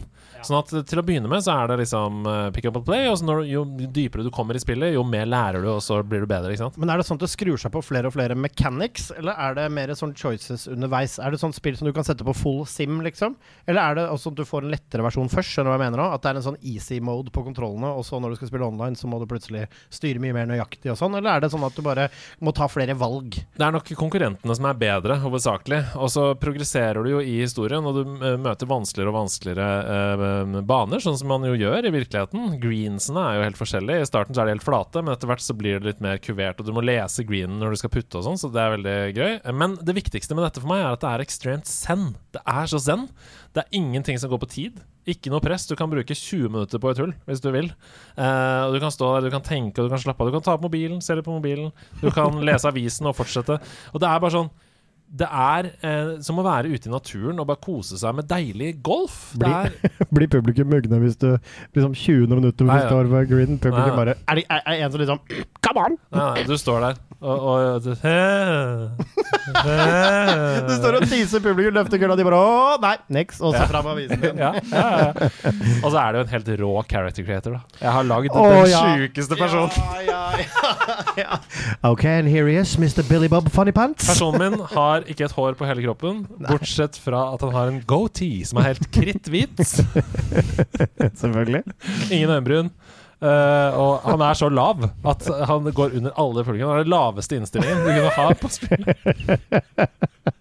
så klubbene, når du steller ved siden av han, så er de nesten høyere enn han. Um, Ja. Men dette er humor, ikke sant? Dette er gøy. Du kan kose deg med det. Ja. Jeg liker det veldig godt. Det var mulig å sette Jeg kan si RTL Skispring nå, som mener å huske at det var lov å velge seg noe fjes der òg. Nei, det er veldig gøy. Og så spiller jeg helt til slutt det spillet som jeg ikke kan si noe som helst om. Jeg kan ikke si noe i retning om noen ting, annet enn at jeg spiller det inntil den 1. november. Flåklypa Grand Prix. Det har regnet en liten kode her, så trodde ikke vi hadde lov til å si at vi spilte det heller, fordi det var fall jeg ikke sa det. Jeg har også testet Flåklypa på Grand Prix. Vi kan ikke si noen ting. Nei, vi vi kan ikke ikke si om det er bra eller dårlig, eller noen ting Vi kan bare si at vi spiller det i disse dager. Det er alt vi kan si. Rett og slett. Det er deilig! Vi er bare så vidt i gang, vi, så vi bare kliner videre med en gang. Er dere klare? Yes! Ha med, ha med dag. Hey, hey. Ha, med, ha med dag. ha med ting etter ditt behag, for det er ha med dag. Hva har du med deg, du, da? Marius. Er det noe som er topp? Er det noe som er topp? Er det relatert til gaming eller relatert til hopp? Eller relatert til hopp? Er det noen ski, da? Nei, sekken er for trang. Den er for trang. Men du vet at en støvel, den er ikke like lang. Hva har du med? med? Marius Lindvik har dratt hit fra Rælingen hoppklubb, han. Hoppklubba. Har med seg noen ting som han putter opp på bordet. Er det sant? Er det sant, da? Nei, det er noen spill. Det er bare Fifa 12. FIFA 12, FIFA Men har han nå et show? For det er av med dag. Renner ut på bordet her underveis i låta. Ok, Ja, nå må ja, jeg bare ja. si en ting. Vi brukte jo ganske lang tid innledningsvis på å snakke om sånn Ja, hvilke spill har du spilt på de forskjellige konsollene og sånn? uh, og jeg, nå ligger det ti Game Boy Advance-spill her. Det ligger 15 Game Color-spill her. Hva Ok, nå må vi bare begynne å lese opp her. Dette er helt sjukt. Ja, det er en del spill her som jeg har samla opp gjennom åra. Ok, Les fort gjennom. Hvilke Game of Advance-spill er det du har med deg i dag? Eh, Pokémon Sapphire, Pokémon Leaf Green, The Incredibles, Mario The Incredibles Luigi. på Game of Dance? Ja, ja, ja. En tidløs klassiker. Wow, er det, Men er det plattformspill, eller var det, det var basert på filmen? da? De utrolige. Uh, veldig usikker. Pixar-filmen der, altså. Ja, Nei, du kan se sjøl. Så jeg mistenker at ikke det er top notch-spill, altså. Og det er et dobbeltspill! Oh. Det er The Incredibles og Finding Nemo. Oi, oi, oi, den der har du mange timer på. Ja, og så her er jo Rayman Advanced, da, som Ja, du prater prata om. Der er Rayman Advanced! Ja, ja, ja. Shit. Vi har Mario Luigi Superstar Saga. Du, det er jo et RPG. Er du sikker på at det ikke er Mario og Lugia? Det kan være det. Det er jo et RPG. Wow. Uh, Så er det jo Mario versus uh, Donkey Kong her. Oi. Mario versus Donkey Kong. Ja, ja, ja. Ja, ja, mye rart her. Mortal Kombat-klone. Franklins Great Adventure. Franklin's Great Adventure! Der er du! Er det skilpadden Franklin? Ja! Her er Franklin! Dum, dum, dum, bum, bum. Altså, du er rett og slett en gammel Franklin-gamer, ja. Hvordan er community der fortsatt? Ja, Er det den dødt, er oppe og nikker, vet du. Åh. Hva Nei, jeg tror du spør feil fyr, Du da. spør hver Hva er det du holder hånda nå? Nå holder jeg Chicken Little. Chicken Little! Du har spilt Vet du hva, du, og dette har du holdt tett i brystet, men du er rett og slett en uh, animasjons-game-tie-in-fyr, du. Ja, Back in the day så var jeg det, altså. For Jeg drar på videre her med Harry Potter Quidditch World Cup. Ok. Altså, blir du like forbanna i Quidditch World Cup som i Fifa 12, eller? Nei, Fifa er kanskje hakket verre. Ja, for jeg legger jo merke til at på bordet her så har du jo med deg Fifa 12 også, da. Det har jeg, vet du. Ja, nei, altså Blir du sint av å se det nå? Jeg bare kjenner litt uh, ryk, Rykker litt i foten. Gjør det. det, gjør det. Hva, hva har du la ned der nå? Um, Care Bears. Care Quest. Å, care, care, jeg visste ikke at jeg hadde det der engang. Ja, men, ikke eh, skap deg. Det var en av favorittene. F-Zero Ja, GP Legends på Game Boy Oi, oi, Advance. Men her er det noe jeg har lyst til å dvele med. Fordi dette er et Game Boy Color-spill, og det er altså Yu-Gi-Oh! Dark Dual Stories. Og Yu-Gi-Oh! Alle som spiller Hearthstone, uh, blir jo hele tiden harassa av folk som sier sånn Ja, men Yu-Gi-Oh! er uh, mye gøyere. Ja. For Yu-Gi-Oh! er et kortspill, er det ikke det? Jo, mulig. jeg, er ikke, jeg er ikke sikker, altså. Er altså Konami, kan hende at denne, da, Dark Dual Stories fra 1996 Da var ikke du født engang! Hvorfor har du dette? Nei, du må ikke spørre meg. Det har du arva. Det, men det har han arva. Det har gått i Det arv. kan godt hende. Ja, enten eller funnet i bakken. Ikke sant? Call of Duty Black Ops. Ja, Der ligger det. Er det en favoritt, eller? det er eh, der det starta, vet du. Det er det, ja. Oi, oi, oi. Ja. Ja, for- Var Zombies da en eh, DLC? Var det det? Eller var det et eget Mm, spill? Nei, det nei, det kom på uh, integrert i Black Ops. Ja, så det var en mode selvfølgelig i Black Ja, Ops. ja, Ja, ja, jeg spilte jo bare Black Ops, jeg. I Black Ops. ja. Altså. Zombie-moden var litt skummel, den, og du er ikke noe glad i skrekk. Nei, jeg hater det. Nei, altså, så du har altså Det jeg ser her, det er da FPS-shooter med zombies. Det er ditt fryktede Fifa 12, som du hater mer enn pesten. Og bortsett fra det, så er det en hel rekke tie-ins til kjente og kjære animasjonsfilmer og serier. Eh, altså rett og slett eh, serier som har blitt spill. Som er din greie. Ja, det var det når jeg var liten, i hvert fall. Ja. Ser ut som at eh, det var en slager hos meg. Det, du vet hva, det, altså, det, bor, det bordet ljuger ikke. Det er, det, det er ikke en tittel som har gått av hus forbi. Men kan jeg si en ting? Var det en slager for deg, eller var det et en trygg havn for foreldrene dine å kjøpe i gave? Altså Chicken Little, for eksempel. Ønska du deg det? Nei, du, det husker jeg ikke engang, altså. altså Jeg det kan, mistenker- eh, Jeg mistenker at det er noen som har gått inn på Rælingen der, på Strømmen storsenter, på Lekia i kjelleren der, Ja, som ja, før var Brio, og sagt sånn Du, jeg har en guttunge som liker Gameboy Dance. Uh, er det noe trygt uh, Han liker sånn, uh, sånn Gameboy-spill. Er det noe trygt jeg kan gi han? Ja, Chicken Little, det er, det tilbudsskuffen. Om en, er, om en tåler litt grann ramsalt, så er det en del grovt språk i det Franklin-spillet, men det tror jeg han skal klare å hæle, altså. Ja, Var, var det sant? Var det sant? Var det en god parodi på foreldre? Var det? det var nok eh, Det kan nok hende at det var søstera mi som ønska seg akkurat det spillet der. Ok, Ok, du har en gamersøster, rett og slett? Ja, vi spilte Gamo sammen da vi var små. Ja, dere er gjorde det. fantastisk. Hadde dere hver deres, eller var det delings? Nei, Først så var det jeg som fikk Gamo, ikke sant. Og så ble jo søstera litt misunnelig, ikke sant. Ja, nettopp. Så da ble det Gameboy på hun etter hvert òg. Hopper hun på ski, hun, eller? Nei, hun gjør ikke det. Nei, gjør ikke det. Nei, nei altså, alle kan ikke hoppe på ski. Nei, nei. Akkurat som at alle ikke kan like brunost, så kan heller ikke alle hoppe på ski. Tusen takk for ha-med-dag. Det er spredd utover bordet her. Jeg Ja, elsker det. Vi skal fest. videre i podkasten.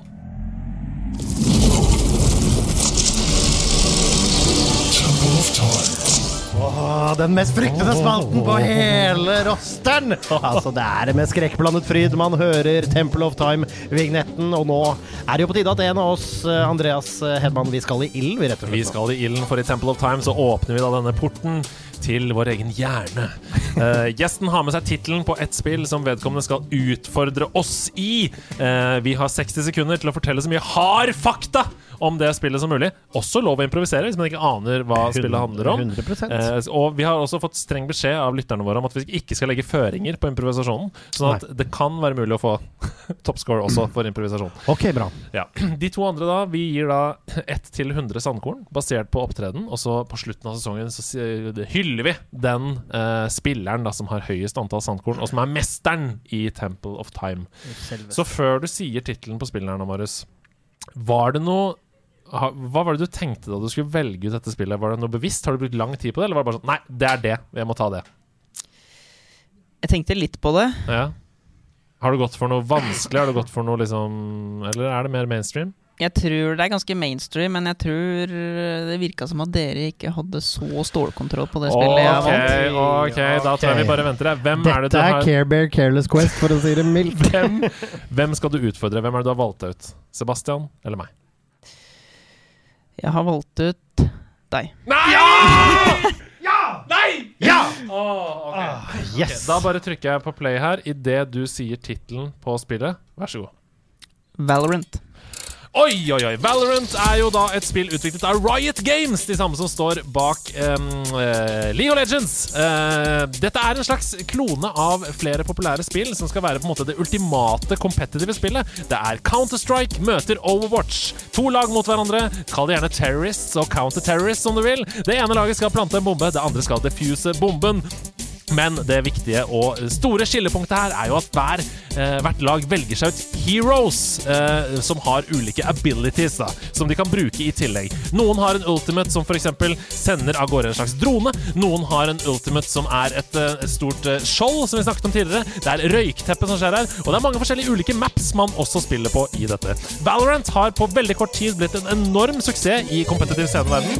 Eh, amerikanske CS-scenen lider under, eh, under Valorant, europeiske også. Eh, Japan så er Valorant nå et av de aller største spillene, og mange spekulerer i at CS kommer til å dø pga. Valorant. nettopp på grunn av dette. Eh, en av de største e-sportene akkurat nå.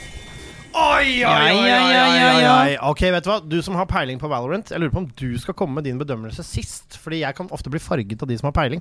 Eh, er ikke det fair, eh, Andreas? Jeg trekker meg helt tilbake. Det, Dere er- det er veldig bra. eh, det er veldig bra. Jeg har lyst til å begynne med å si at det er jo tydelig her at eh, du vet hva Valorant er. Så det er, det er jo veldig det er bra. og Jeg syns du redegjør for eh, hva spillet er, og hva mekanikkene som ligger bak, er konkret. Du vet også hvem som har utviklet det. Det er et eh, pluss hos meg. Og du vet en del som bakgrunnsfakta om at det er populært om dagen, og at det er i ferd med å gå på det. Glemte å si når det kom. Ja, utover det så syns jeg det er lite som gir meg smaken av hva dette spillet er. Jeg, jeg føler at eh, Dette er, dette er liksom Dette er en fyr som har lest om hva Valorant er, uten å ha spilt det mye. Uh, faktaen forskjellige baner, eksempel, det er ikke fakta for meg. Det slipper du ikke unna med. Det er ikke noe du veit. Det, altså, det kunne jeg også gjetta, uten å vite en dritt om Valorant. Jo, men jeg tar meg selv i å merke Selv om jeg blir imponert, så tar jeg meg selv i å vite nesten absolutt alt du kommer, uten å noen gang ha rørt Valorant. Jeg føler jeg ikke er noe klokere på hva det er. Eh, Jeg sier jo lagspill og abilities og Vet du hva? Dette ja, det, ja, det gjør jeg, men det, altså, likevel, det visste man at det er. Altså, det, du kunne ha sagt det du sa. Det er bare Hvis du går på Karl Johan og sier til noen Hva er Valorant? til Ikke en du diskutere! Ikke du diskutere! Altså, vet du hva jeg sitter igjen med? Jeg føler at du kunne, det du sa, føler jeg at du kunne sagt. I ferd med å bli en av de største competitive shooterne.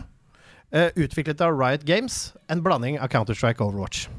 Det føler jeg er det vi fikk sagt når jeg går det i sømmene. Så jeg ender opp Men det er fakta her. Jeg syns du, Du får ikke lov til å gi score før Nei, okay, gjesten okay, gir sin score. Okay, ok, det, er- det er min, min Fordi dette er veldig strengt. Hva syns du, Marius? Jeg syns det var uh, overraskende bra. Ja. I forhold til uh, inntrykket jeg fikk uh, om Valorant-kunnskapene oh, ja. i tidligere prat i podkasten her. Men det var jo noen ting som, som fakta som ikke stemte helt. Oi, For eksempel Heroes. Det er ikke Ja. noe Det er agents i Valorant. Au! Ja, den er vond. Mm, Her kommer det for en dag. Klart Ja. Ja. Men allikevel så syns jeg du klarte å, å formulere en, eh, en fin eh, beskrivelse av spillet uten å Selv om det ikke var eh, like lett å, å skjønne hvis du ikke veit hva det er fra før. Mm. Men eh, blanding av CS og Overwatch er jo den er jo en bra forklaring. Det er jo, er jo det. Jeg sa det var to lag og plante bombe. Og jeg var, Ikke, ikke la deg farge av. Ikke, ikke Ja, ja. på Det er jo, det, er jo det er sånn classic. Det er basic å Det- si, da. Counter-Strike, da, med andre ord. Ja. Ok, men, men eh, er du enig i det med e-sportscenen? At det begynner å ta over for CS og CS sliter og sånn? Ja, han, prøver det- å farge, han prøver å farge deg nå. Ikke la han farge deg. Gi han scoren først. Dette får vi snakke om etterpå. Men Det det, er ga meg pluss. Det ga, ga pluss, skjønner du. Ja, men men nå minner jeg deg på plussting. Fra, Ja. 1 til, fra 1 til 100, hvor 100 er eh, perfekt prikkfritt, og 1 er helt håpløst. Hvor mange poeng får Andreas Hedman for sin uh, Valorant-forklaring her? Han skal få 82 poeng. 82 poeng! 82, ok. Ja, det er kruttsterkt. 82. Det blir ikke den slags høye fra meg, altså. Det men, er altså så strengt. ja, da, men det er fordi vi får lov til å dømme konkurransen vi Altså- deltar i. da Stian eh, lira av seg noe ræl om Kel Kellogg's K-spillet og fikk 90, liksom. Ja. ja, men jeg kommer ikke til eh, Altså, jeg syns du redegjør Du redegjør godt, men jeg syns ikke du fargelegger godt nok. Men uh, du skal få 70 poeng av meg. Å, fy! Jeg føler meg, vet du Dette er et justismord. Dette er et justismord! Det er ikke et justismord! Det er Temple of Time! Ja, det er Temple of is Temple of Time! Jeg ender altså opp med en gjennomsnittlig score på 76. Og det er selvfølgelig patetisk av dommerne. Men Det er hederlig innsats, eh, Andreas. jeg tar det og går videre. Og lever, jeg lever i morgen òg. Ja, det gjør du. Kan noen strupe den hunden, eller?! Mitt navn er Andreas Hedman, og dette er Nerdenytt. I dag lanserer det europeiske Wergelandsenteret og Utøya et nytt spill, Oslo 2084. Spillet er et gratis nettleserspill satt i et dystopisk framtidsscenario hvor ungdom må redde en verden i ferd med å overtas av kunstig intelligens. Oslo 2084 handler om annerledeshet, ønske om å gjøre verden til et bedre sted, og utfordringer man møter i kampen for rettferdighet. Med spillet så løftes tematikk knyttet til sorteringssamfunn, demokratiske dilemma, klima- og miljøspørsmål, likestilling, muligheter og begrensninger med teknologi, konspirasjonsteorier og mye, mye mer. Spillet kan tas i bruk av alle og er en gratis ressurs for å sette i gang diskusjoner om demokrati, teknologi og unges mulighet til å påvirke samfunnet. I kjølvannet av Blizzard-skandalen fortalte selskapet at de ville endre navnet på Jesse McCree i Overwatch-universet, som er oppkalt etter en tidligere ansatt involvert i denne skandalen. Karakteren har nå fått endret navn til Cole Cassidy, og på en finurlig måte, ganske smart også, forklarer Blizzard at karakteren tidligere kun har utgitt seg for å hete Jesse McCree for å flykte fra fortiden sin. Selve denne endringen vil skje i en oppdatering akkurat nå, mens dette spilles inn, den 26. oktober, så se opp for videoinnhold som forteller mer om Cole Cassidys historie og law fremover. Det har vært kjent at Among us kommer til både Sony og Microsoft sine konsoller, men inntil nylig så har vi ikke visst når. Nå bekrefter utvikleren av spillene at det kommer 14.12., og også at spillet blir inkludert på Xbox GamePass for konsoll. Spillet blir cross-platform og koster ca. 50 kroner uten GamePass. I samme slengen så tar vi med den kjipe nyheten om at PS5 og Xbox Series X-versjoner av Cyberpunk 2077 og Witcher 3 er utsatt til neste år.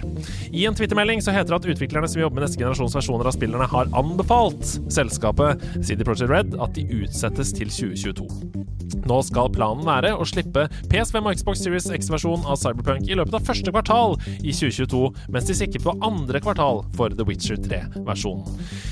Mye tyder med andre ord på at pengemennene i CD Projekt Red nå har forstått at a delayed game is eventually good, but a rushed game is forever bad.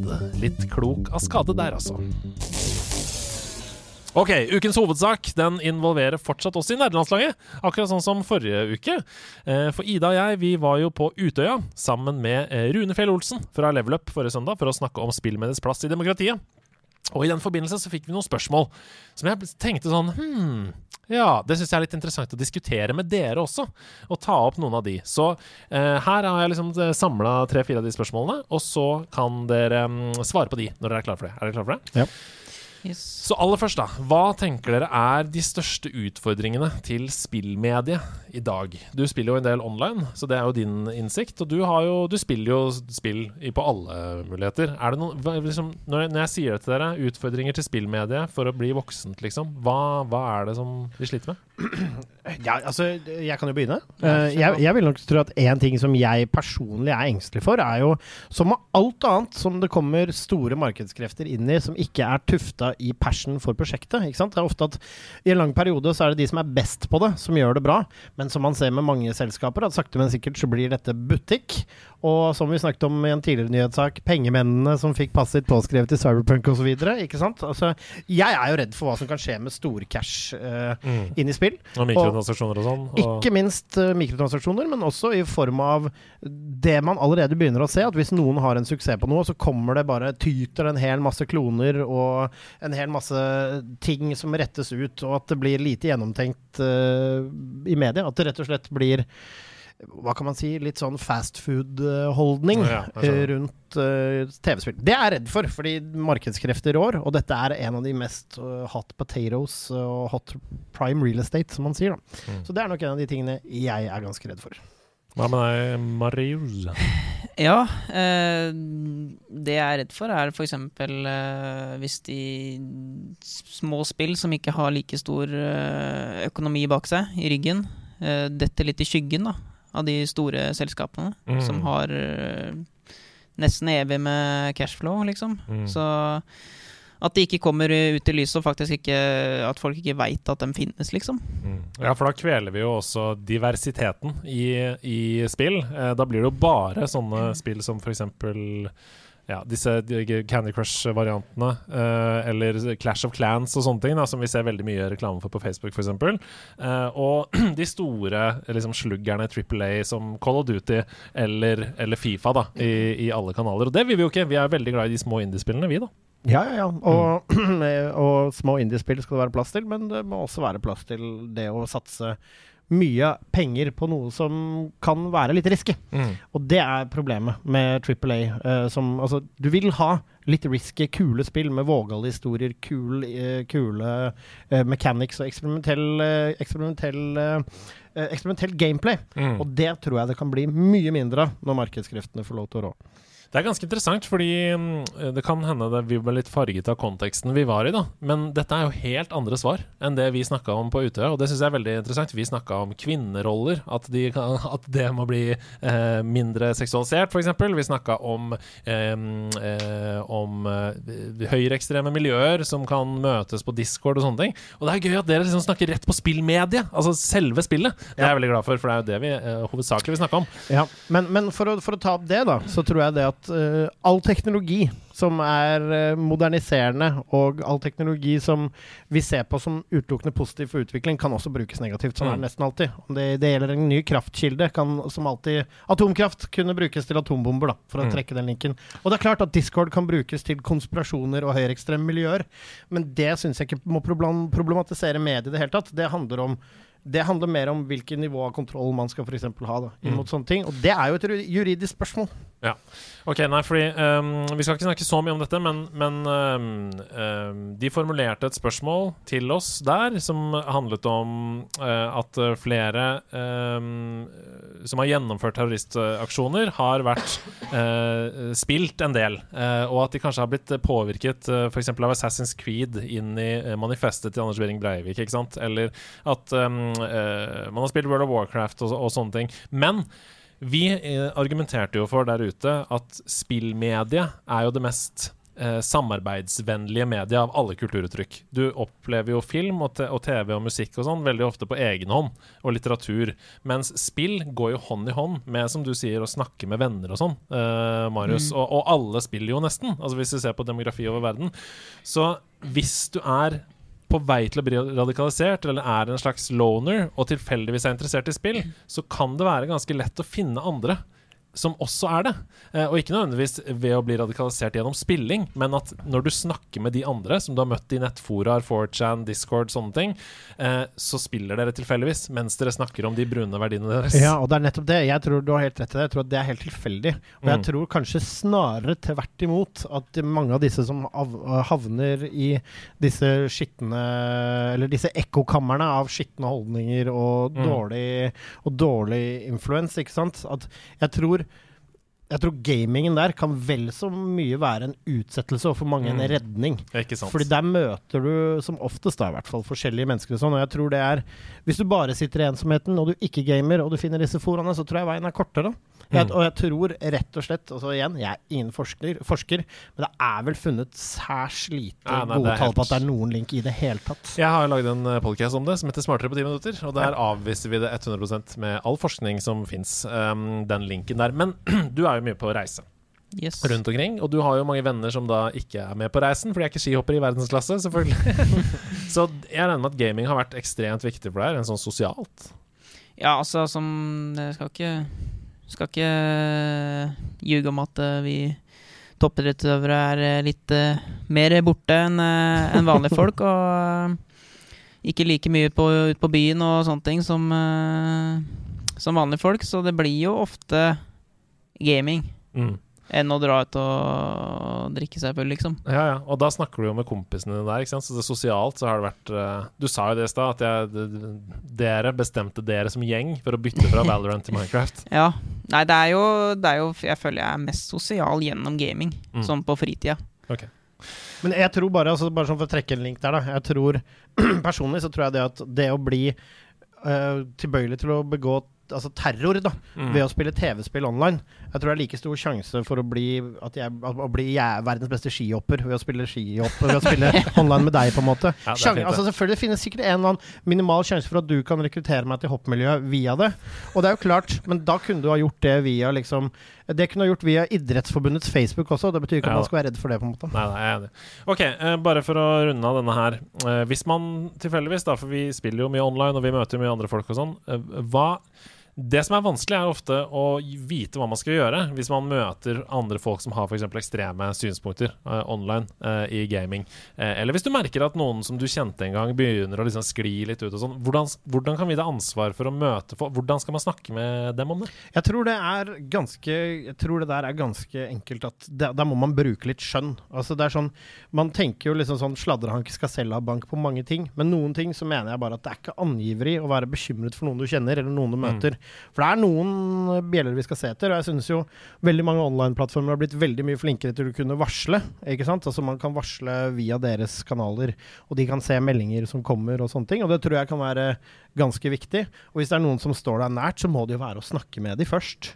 Ikke sant? Si hva er dette for noe tankegods, liksom? Hva er det du snakker om? Hva er, det du, hva er dette for noe? Og hvis svaret du får er avvikende og gjelder overtalende og sånn, så må man si fra. Fordi jeg ser på radikalisering som en hvilken som helst annen sjukdom. Og Mm. hvis du ser noen du er glad i bli sjuk, så vil du gjøre alt for å Ja, hjelpe dem. det er veldig sant. Nei, jeg, øh, personlig, dette sa jeg jo på Utøya også. Jeg tror jo at mennesker er veldig enkle. Vi er jo et pattedyr, liksom. Og vi har noen behov, eh, primærbehov. Og jeg tror jo at det, når man begynner å falle utafor, og ikke føler seg sett, og ikke liksom føler at man er flink eller blir elska, eller at det er noen som er glad i deg, eller sånne ting, så er det lettere å falle hen til litt eh, eh, ideer som uh, tufta på hevn, ikke sant? Og at man føler sånn jeg, skal, det, jeg er utafor, og det er det en grunn til. Nå skal jeg finne den grunnen. Så jeg tror at man kan strupe veldig mye av det der veldig tidlig, med å bare være inkluderende. Hvis du ser noen som i skolegården som er når du er barn, så ta dem med i leken. Hvis du, hvis du merker at noen ikke får lov til å være med, liksom, så vær åpen og prøv å være litt raus og vær med, liksom. Ja, da tror jeg at veldig mye av det eh, forsvinner. Det er utrolig hvor mye det hjelper med en, eh, utstrakt hånd. Ja. Og man, det kan man jo bare lese om folk som har vært i radikale miljøer, og hva som har fått dem ut. Det er nesten alltid noen som strakte en hånd og inkluderte de i det. Folk flest har nemlig nestekjærlighet, på en måte. Kan noen strupe den hunden, eller?! Men ikke når det kommer til bikkjer. Der er det kompromissløs, Andreas, så vi må ta en prat om det. Mitt navn er Andreas Hedemann, og dette var Nerdnytt.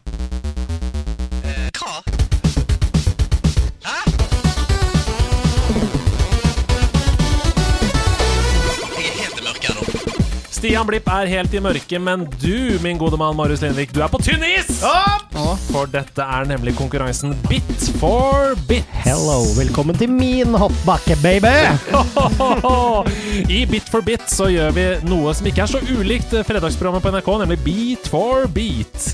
Um, det er noen luringer i nederlandslag community som nemlig har funnet ut at spillmusikk fra tidligere av, det var ikke uh, sånn at det bare spillet spilte av ett track.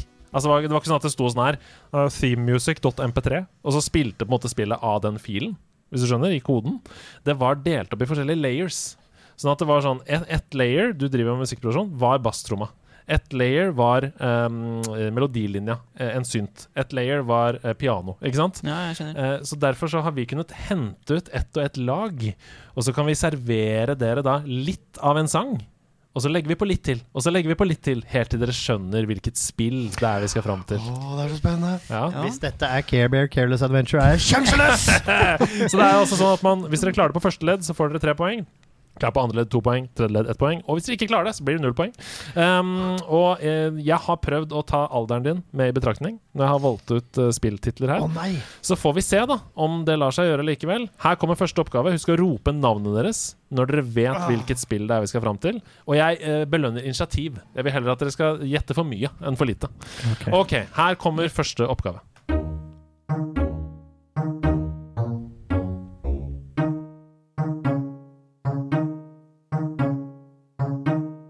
Ok, hvilket univers er vi her? Hvilken tidsalder?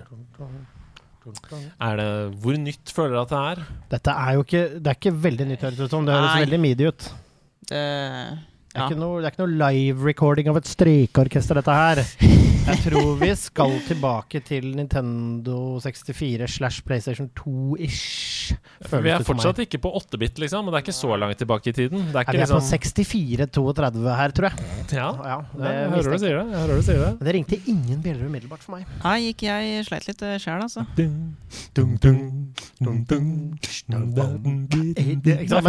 kan være hva som helst. Det kan være funky, det kan komme en trist eh, stryker der. Det det Det ikke kan- kan komme, er Ja, eller kan det det? Husk at i Sega 16-bit så sa T-rexen når du skrudde på Jurassic Park-spillet Sega!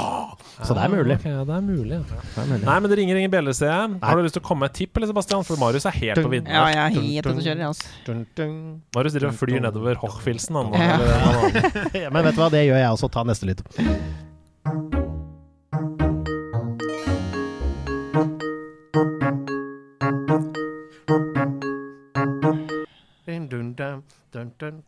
Ja, ja, nå begynner det å ringe noen bjeller her. Nå begynner det å ringe noen bjeller her. Akkurat idet chimesene kommer, fring, så begynte det å ringe bjeller i dine her nå. Ja. Ja, det kanskje bare var chimesene, At det ikke var bjellene i hjernen min som ringte? Men hva slags univers føler du vi er i, da? Hva Jeg får litt sånn Assassin's Creed-vibes, men Ja. jeg er uh, tror ikke det er det. Nei, jeg skjønner hva du sier.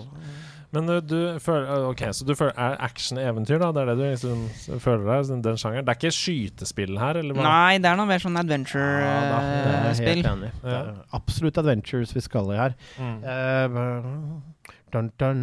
Kan dette være Spyro? Nei da, det er ikke det. Oh, fuck. Åh, der gikk det over lys for deg, men åh, det var 40 watt lyspære i en 20 watt sokkel. Og den sprakk umiddelbart. Ok, vi kjører neste ledd, vi. Ok.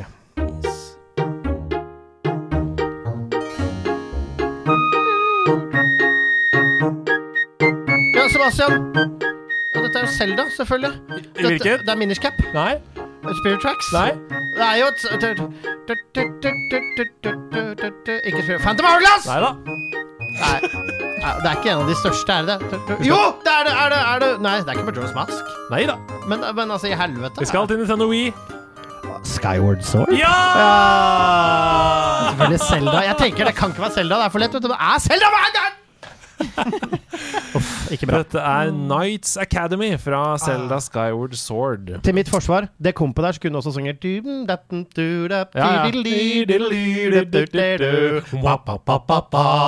Kokiri Forest. Ja, det, er, er veldig Zelda-esk, så det er vanskelig å plassere nøyaktig. Men jeg tar det Ja. poenget. Og det Eh, sto, men det sto ikke til 20 i stil. Nintendo Wii. det gjorde ikke.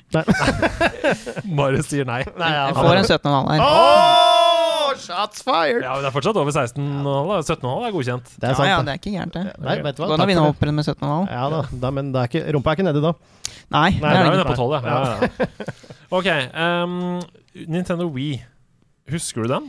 Ja, jeg har jo spilt det. Ja, du har det, ikke sant? Jeg har aldri hatt det selv. Nei, for det, Da jeg drev og valgte ut her, så tenkte jeg sånn 98? Ja, det er Wii. Det, er, eh, det kan være prime Wii der. Men du hadde det ikke selv? Har du noen venner som hadde det? Ja, jeg hadde jo flere venner som hadde det, så jeg dro alltid bort til noen kompiser og spilte litt via. Rolig bowling der? Ja, ja. V-sport. E-sports? oh! Ok, ikke gå helt av the spirit tracks her nå, fordi ah, Der er jeg god. Nå er kommer neste oppgave. Der er god.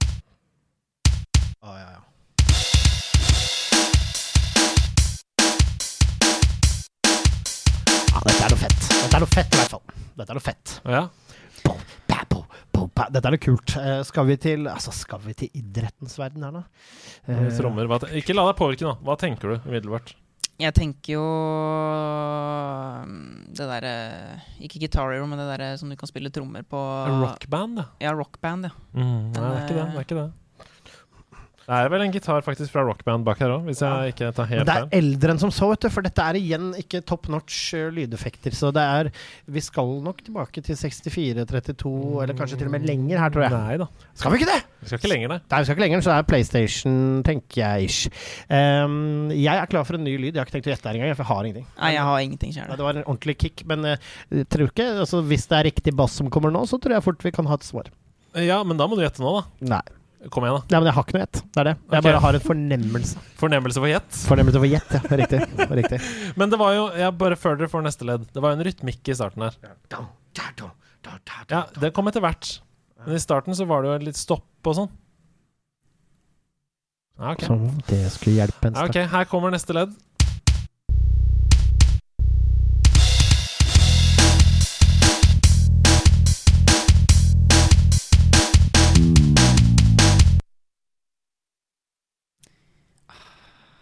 Er det noe sånn uh, Rayman-greier, da? Å, nei, nei. Men det er ikke, det er ikke halv- hakkende langt unna i tid. Det er det ikke. Sånn Nei, okay. årstallsmessig. Okay. Jeg er blank, altså. Ja, du, vet du hva, jeg er faen meg blank sjøl, altså. Ja. Det som er så gøy, er at dette Til deg som har lagd denne oppgaven her, jeg mistenker at det er paper. Eh, dette er fantastisk. Du har gjort en fantastisk jobb. For jeg er helt en million prosent sikkert på at begge dere to kommer til å klare oppgaven etter neste ledd.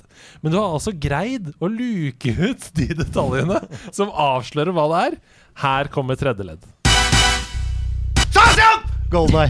Det er riktig! Det er Golden Eye. Herregud, det er eksellent klipping, ass! Dette er selvfølgelig Golden Eye på Nintendo 64. Go! Do, do, do, do, do, do. Fy faen, ass. Og når vi nå hører på første en gang til Ah, altså, ja. Ja, ja, ja. Altså, det er trommelyden og alt mulig. Ikke sant? Åh, shit. Men jeg begynner å tenke på 20th, 20th Century Fox der greier. Nei, det er fantastisk. Den Det var gøy. Ja, den det var var helt gøy. fantastisk. Nydelig jobba Du den tok den også, da? Jeg tok den på slutt der, ja. Ja, ja, selvfølgelig. Ok, Da blir det to poeng til Sebastian Brynestad. 2-0. Det er en stor seier. Vi må eh, få en applaus for det. Takk, takk, takk. Her møtte du din overmann. Ja, det var walkover. Men det er walkover. vi får se da i K10 på Rælingen om det Der er andre annen business. Vi får se, da, vet du. du kanskje du undervurderer meg? Kanskje ikke. Ja, Vi får se. se. Nord-Europas mest forhatte spalte, du her! Sebastian hater denne spalten. Nei, ja, men Eh, jeg liker den. Det er bare publikum som kritiserer. Dette er spalten Er det fun, eller er det fact? Eh, og det er ikke eh, spørsmål om Det er ikke en quiz. Altså Alt som vi sier i denne spalten, er fakta. Det, det, det stemmer, det jeg kommer til å si til deg nå. Men dere skal avgjøre i plenum om det er en fun fact, eller om det bare er en fakta. Altså Er det morsomt nok til at du kan, på en måte kan gjenfortelle dette på fest til noen andre? Eller må du bare la det bli hos deg sjøl? det er uh, spalten. Ja. Jeg leser opp en fakta. Dere må debattere om det er bra nok. Kjør i går. Her, Det er altså Christian som har sendt inn denne her til oss. Tusen takk, Christian. Visste dere at det er et gen i kroppen som heter Sonic the Hedgehog gene? Wow, gøy, tenker jeg. Ja, umiddelbart. Dette genet er svært viktig i utviklingen av embryoet og styrer mye av prosessen rundt hvordan nervesystemet utvikler seg, hvordan cellene går til riktig side av kroppen, sånn at høyre arm faktisk blir på høyre side av kroppen, osv. Og, og dette navnet kommer fra forskningen. For da forskere eksperimenterte med å skru av dette genet hos fruktfluer, så fikk fruktfluefosteret mange piggeaktige utstikkere på kroppen. Eh, og det fikk det da til å se ut som et piggsvin.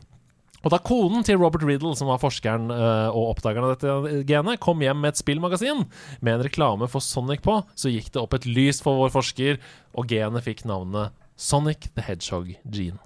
Ja. Så det er altså et gen i kroppen som er Sonic the Hedgehog gene. Eh, det har fått navnet sitt fordi fruktfluene de får pigger, de, hvis du fjerner genet. Så ja. Connection er kanskje litt tynn der. Ja da, men, men igjen, dette er, føler, altså, det, dette føler, det er borderline igjen. Eh, det er på nerdelandslagets julebord. Eh, så er det jo, før vi nå har blåst dette fakta selvfølgelig for alle lytterne, så hadde det vært fun fact. Så hadde du tatt den på nerdelandslagets julebord, så tror jeg du hadde fått litt uh, Men Oi! la oss bruke Marius Lindvik som uh, PH Hva heter det? Lakmustest. ja. ja. Fordi du skal jo på en måte inn i et miljø. Kunne du tatt dette i deltakerlandsbyen i OL f.eks., uh, og fått reaksjoner? Eh, jeg er usikker på om jeg hadde fortalt det godt bort til uh, eh, utlendingene. Og, Kobayashi der? Ja, nei, jeg er usikker på om jeg hadde tatt og gått bort og fortalt det, fortalt det men til gutta på det norske laget så, så kunne jeg gjort det. Ja, ja, ikke sant? Dere, dere, ok ja, for Hvis det er noen som spør, for eksempel, da, sier sånn ah, 'Spilte du Sonic da du var liten?' Er det kanskje noen som sier eh, det på deltakelse? Ja. Ja. forresten, jeg vet om en ting, kan du si da. Sonic the Hedgehog gene. Er det, ja, ikke sant? Pro der problemet mitt tror jeg det er at det genet ikke er så viktig. Altså, eller det er jo viktig som alle andre gener, men du skjønner hva jeg mener, det er liksom ikke noe langt fremtredende gen. Det er ikke, altså, Nei, det- altså, ok, her er mitt forslag. Hvis Sonic the Hedgehog gene hadde sett ut som Sonic i mikroskop da er, nei, Fortsatt, fortsatt tynt. Nei, da er det fun fact! Da er det fun Hvis fact, ok, alle vi greit. går rundt med en Sonic inni body Det er også Sonic the Hedgehog har tatt over. Sklir over hakket mer da. Så Ja, det gjør det. Ja. Ok. Men dette er liksom bare connection er at hvis du fjerner det fra fruktfluer, så ser fosteret ut som pigger. Nei, det får ekstra pigger. Jeg vet du hva? Jeg vil si dette er fact. Det er først og fremst fact, men vet du hva? I, de, i riktig situasjon, i riktig miljø, kanskje. Ja. Ja, det ble litt for komplisert. Ja, rett og Ja, litt for lang vei til målet der. Ja, og, ja. Beklager, Christian. Prøv igjen. prøv igjen. Bak deg i studio så henger det en enorm korktavle. Den er så svær den at det er nesten ikke mulig å se den, for den er så svær. Hva har skjedd? Den har mista totalkontrollen over utbyggingen av den korktavla. Ja, det er det. Og der kommer det jo inn spørsmål hver eneste uke, og det har til og med denne uka kommet spørsmål til deg! Marius, fordi jeg posta på Patrion på søndag at du skulle være gjest. Så her kommer et, fra, eh, et spørsmål fra Bjørn Tore. Og han spør eh, En fantastisk prestasjon under hoppuka forrige vinter. Gratulerer. Jeg ser frem til å følge deg mot OL. Det er hyggelig. Ja, takk, takk. Men hvilken spillprestasjon, og da i hvilket spill, er du mest stolt over? Den er ikke dum. Den er ikke dum, altså. Nei. Den er ikke dum.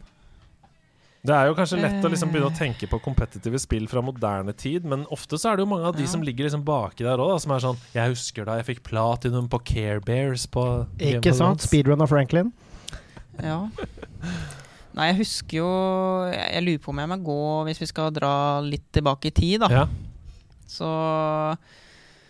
må det nok kanskje bli eh, Pokémon Rugby, Nei Ruby-tidene. Ja. Hvor jeg liksom endelig hadde fått eh, alle de beste Pokémons jeg hadde Mm. i level 100, og liksom runda gymmen hundrevis av ganger. Og kompisene mine hadde ikke like bra Pokémon som meg, og, og sånne ting. Det var jo stas på den tida.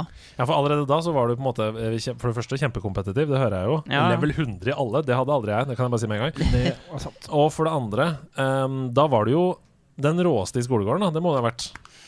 Ja, det var ikke, det var ikke mange som hadde Som var like ivrig, men uh, altså Det var jo flere som hadde Som var gode, liksom. Som hadde Ja. mange gode. Men uh, ja, jeg husker bare at det var, det var jævla kult, da. Ja, du pika der. Ja. Jo, men det er bra, det er bra svar. Har du et sånt, eller? En sånn prestasjon som du kommer på Det er jo noe Bloodborne og FromSoft og selvfølgelig der. Ah, Er det ikke drittlei å høre om, da? Hva tenker dere om at God of War fra 2018 kommer til PC? Eh, er eksklusive spill ikke lenger eksklusive? Vi ser også at Horizon Zero Dawn nå har kommet til PC. Hvordan tror dere dette påvirker den fremtidige konkurransen mellom Microsoft, som da har Xbox og PC, og Sony, som er en konsollprodusent? Jeg selv er jo en som har PC og PS5, men uh, mye pga. de eksklusive titlene, og jeg er glad for at flere nå får prøve disse sjuke spillene, men jeg er litt redd for at konkurransen dabber av, og at mulige fremtidige titler blir påvirket av dette. Hilsen Keiseren. Så spørsmålet er er, er eksklusive ikke lenger eksklusive fordi de uansett kommer på PC eh, på et tidspunkt, og, og hvordan påvirker det konkurransen? Nei, jeg syns at det der synes jeg er en god ting. Eh, Ja. Altså, jeg mener at timed exclusives er helt ok. Eh, det vil fortsatt holde en sunn konkurranse mellom de forskjellige, og så kan man selvfølgelig ha en eksklusive titler, men et spill som har hatt sin levetid, og som du har fått kose deg med, at det etter hvert får lov til å dryppe ut eh, i andre konsoller, det syns jeg er en god ting. Fordi i all hovedsak så gir det muligheten til mennesker som ikke nødvendigvis har råd til å spille på absolutt alle plattformer, muligheten til å spille absolutt alle gode spill. Og det syns jeg u, altså, altså sånn helt uforbeholdent er en god ting. Det er veldig få forunt å kunne ha alle mulige konsoller, og da syns jeg at det bare er en god ting. For å Ja. være helt beint ærlig. Hva tenker du noe, Marius, umiddelbart? Jeg støtter veldig, veldig det der, altså. Mm. Jeg gjør det. Ja, jeg, jeg tenker også sånn at uh, det er tre år eh, siden God of War kom. Eh, jeg tror ikke det er sånn at de selger uhorvelige eh, kopier på PlayStation akkurat nå. Og at, Så- eh, og at Hedo nå skal få lov til å fiske i Skyrim på kalkulatoren sin, det syns jeg bare er en bra ting.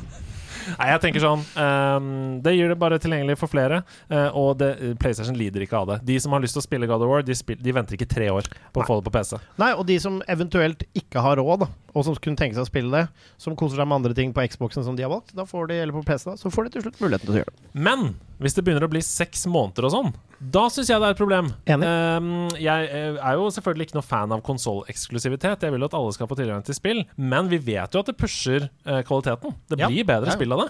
Uh, så, så hvis du ikke liksom hvis, hvis Sony ikke er noe Hvis det ikke er noe poeng å kjøpe PlayStation lenger, da Men det kommer aldri til å skje. Fordi som du sier, da er det hvis, hvis plutselig Sony ikke holder titlene sine eksklusive, så vil Xbox uh, PC-markedet ta fullstendig over. Mm. Eh, og da vil PlayStation eventuelt fases ut og eventuelt bare svelges av uh, Microsoft. Og jeg tror det kommer vi aldri til å se skje.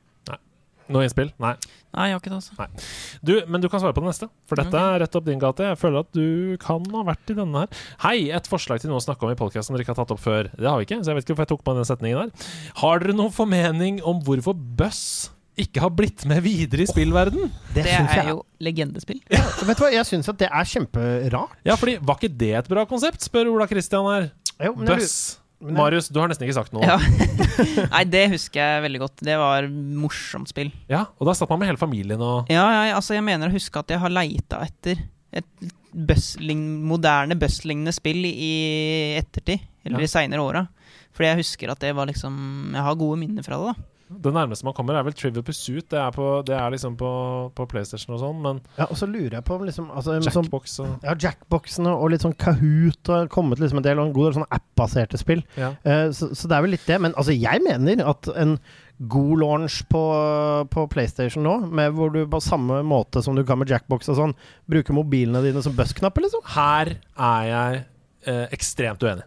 Fordi jeg er Jeg mener at spillet mister sin magi når du må ta mobilen opp i tillegg. Fordi det er det ikke det å ha den fysiske knappen som du må trykke på, og så er det svaralternativer og sånn på den kontrollen. Ja. Det gjør at det står ut. Men når det bare er en app på mobilen din, så er det veldig lett å bare slette den appen. Ja, men allikevel så vil jeg da si at både med respekt til alle havskilpaddene der ute, som av en eller annen merkelig grunn alltid spiser plass OK, du tar miljøargumentet. Greit. Nei, nei, nei, jeg, skal, jeg, skal, jeg skal ikke bare ta det. Jeg skal ikke bare ta det. Det andre argumentet jeg skal ta, er rett ut sagt det at det blir mye, og jeg tror det er en dyr produksjon i forhold til å dytte det ut. Nå er det veldig god liv utenfor her, men det får være greit. Vi, vi La dem holde på. De tåler litt bakgrunnsstøy. de på. Det koker i nerdelandslaget på perletirsdag. Kom og nyt det. Det er god kick. Og til alle dere som nå hører på podkasten og nå sitter der ute Orlando! Nei, det er bare tull.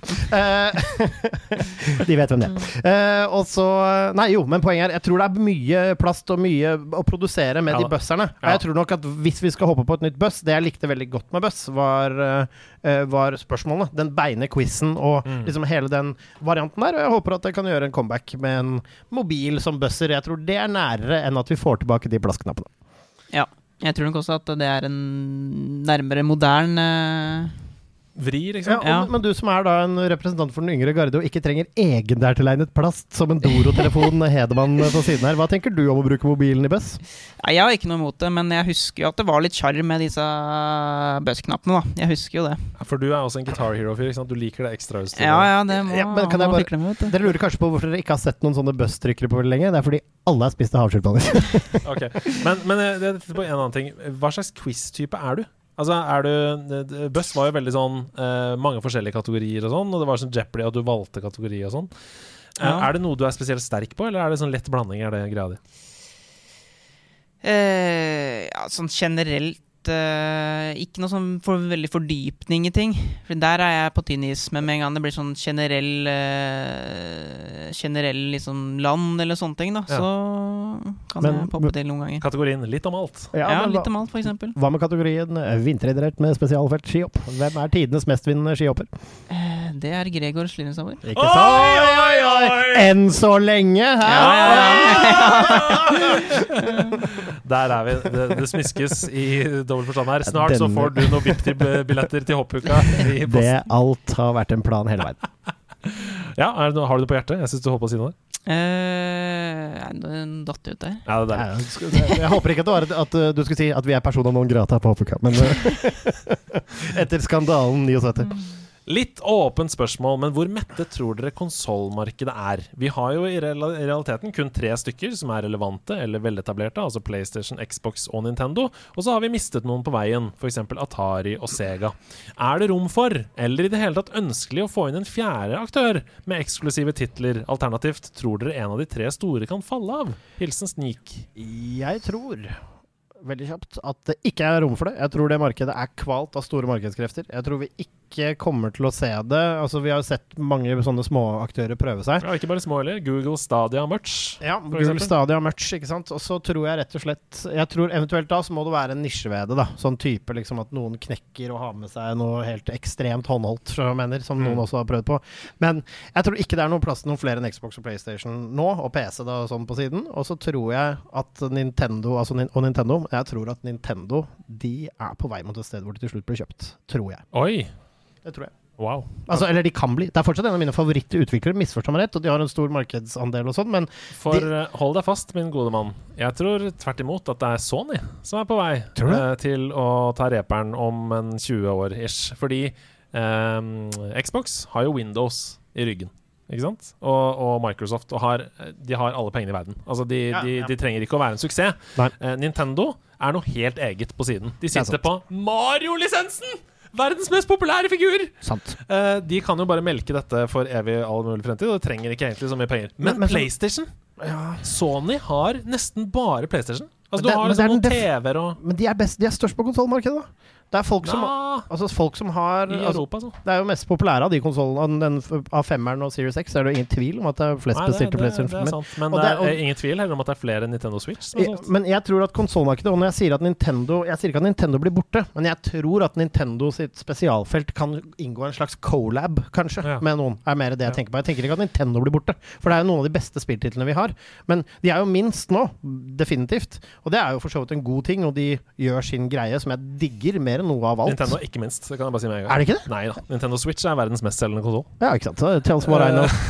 Men, Men, men, men eh, og, og tenk på håndholdt. Tenk på DS og 3DS og, og alle de Ja, det eh, sant, tingene der. altså. Det er jævlig mye. Men, men det jeg tenker på eh, Jeg er jo ekstremt glad i Sony. Jeg er ekstremt glad i PlayStation! Ja, Elsker selv. PlayStation. Selv. Så det er ikke noe sånn at jeg, eh, jeg tror det forsvinner fordi jeg hater det. Tvert imot. Jeg er livredd. Jeg håper jo ikke at det forsvinner. Noen av mine fantastiske spillopplevelser på PlayStation. Hva er det du savner i konsoll i dag? Fordi du spiller mest på PC nå. Er det liksom Ja. noe som du tenker sånn at det skulle jeg heller ønske meg i konsollverden?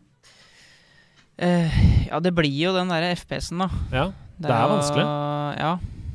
Så det blir jo FPS-en og grafikken. Ja, grafikken. Jeg tenker også at uh, konsoller har en vei å gå hva gjelder kommunisere med venner. Fordi Ja, det også. Det er jeg helt enig i. voice-system og sånn, både på PlayStation og Xbox og Switch, er jo helt forferdelig. ja, det er le og jeg ble Ja. overrasket over at jeg syns nesten partymoden nå er dårligere enn på PlayStation 4. Ja. Og, og ikke minst, det er ikke noe chattetjeneste som funker. Du må sitte med den der kontrollen og bare mi, mi, mi, mi, mi, B, ne, ne, ne, ne, ne, CS ne, ne, ne, ne, for å skrive. Ja, og, og ingen, men igjen, ingen er verre enn Nintendo på akkurat de greiene. Nei, det er forferdelig. Eh, men jeg visste det. Switchen. Verdens mestselgende konsoll.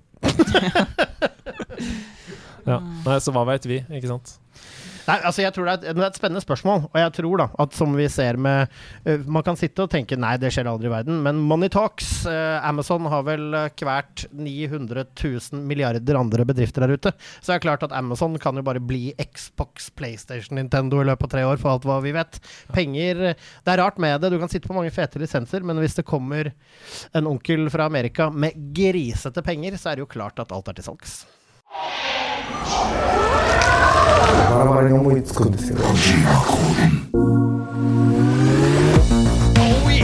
Mitt navn er Kobayashi, og jeg har kommet for å utfordre deg. Nei, det er ikke sant! Hideo Kojima har tatt over min body. Oh! Hideo Kojima har tatt over min body. Oh! Det er sant! For en! Hideo Kojima har tatt over min body, oh. Den der kan jeg høre på til fugla kommer hjem, men det er på tide med oppgave. Ja, det er på tide med oppgave. Eh, Dette, dette ble mye for unge Marius. Ja. det er- Jeg tåler det. Jeg tåler det. Ja, det. Altså, presset press i toppen av bakken. Men dette er jo din type musikk, er det ikke? det? Litt sånn Jo. Mm, ish. Ja, for Hideo Kojima, en legendarisk spillutvikler, lagd Metal Gear Solid-serien, er jo kjent for å lage sånne ville rebuser i spillene sine. I Metal Gear Solid så måtte du annet ta ut kontrollen av slott 1 og putte inn i slott 2 for å komme videre på et tidspunkt. Det er rått. Ja. Det er sjukt. Det er på, sjukt. var på lilleputtlaget i Okazaki skihopp. Nei, bak ikke det, var ikke det, var ikke men eh. I Kojima-koden så har jeg liksom latt han ta over min kropp for å skrive noen rebuser som dere må deschiffrere. Dere må slå hodene sammen og skjønne hvilket spill det er vi skal frem til. Så jeg leser altså opp en rebus, og dere må jobbe sammen for å løse den. Så nå, eh, ja, nå forventer jeg liksom at hjernebølgene er fullstendig synka her. Eh, og husk at dere kan bruke poengene deres i Korv-Jima-boden på Yes, slutten av sesongen yes. til å kjøpe pølser. Et ordspill der, altså. Mm.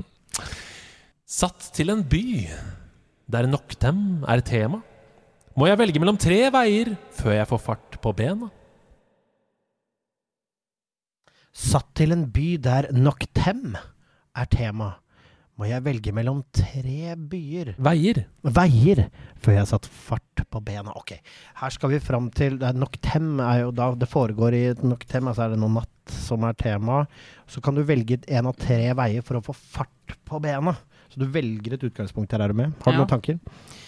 Eh, jeg tenker noe sånn adventure-spill. Det lukter jo litt adventure, men fart Ja. på bena har meg så direkte inn i Sonicens landskap. Ja, Kjenner du det raske ja jeg, jeg er med på den, altså. Ja. Med på den. Ja, altså, Satt til en by der Noctem er tema.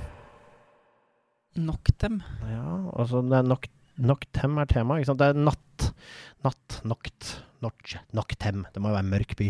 Ja. Men altså igjen, jeg, jeg, han sier det som om jeg skal slippe Sonic, men samtidig så har Sonic også befunnet seg i byer.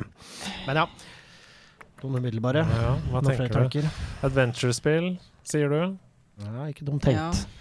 Hva, hva, Noctem ringer det noen bjeller? Nei, det er den jeg liksom skurrer litt på på meg, da. Ja. Det er eh, Velg én av tre veier før du får fart på bena. Du må velge deg liksom et utgangspunkt. Eh, Å! oh! Og hva heter det, da? Og hva heter det spillet, da?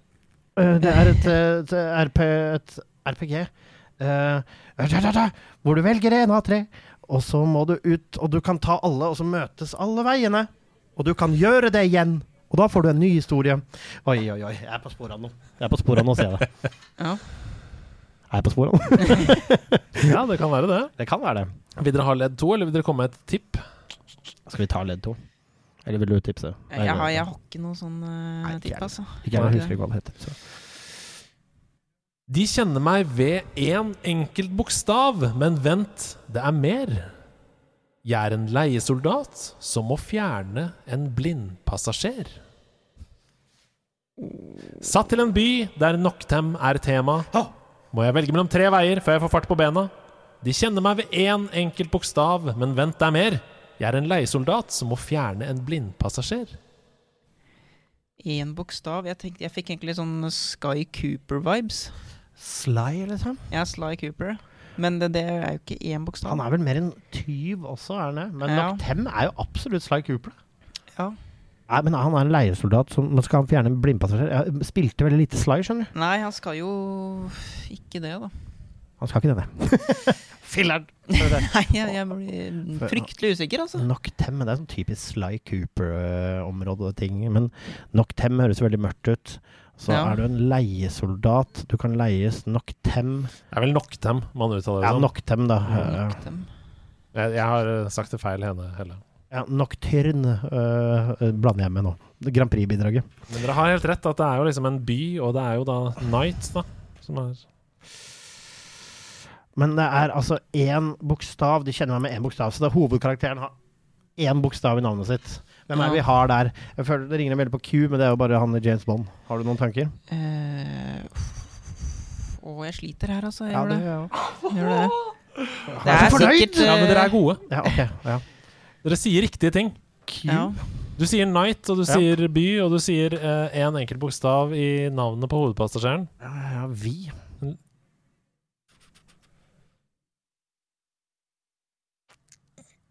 Å, shit. For dette er dårlig radio, men nå fikk jeg, jeg fikk et voldsomt tryne her nå. Uh, vi. Holy crap! Uh, Skeit. Vi Nei. Noctem. Heter det Noctem? Vi. Hvor langt tilbake skal vi være? Leiesoldat. Vi. Han er kjent som én bokstav. Vi. Til så Adam Jensen. Nei, det er ikke Jensen. Det er, Vi det er, i Night City. ja, fy faen, det står jo bom, stille. Hvorfor står det bom stille her? Jeg husker at det heter Vi.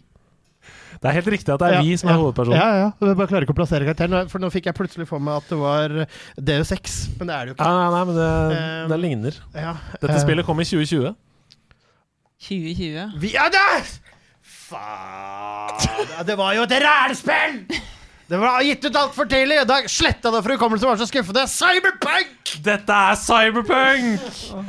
Cyberpunk 2077 i Night City med Ja. vi. Han må velge mellom tre veier. Du må være, skal du være gangster eller corporate eller hva du skal være.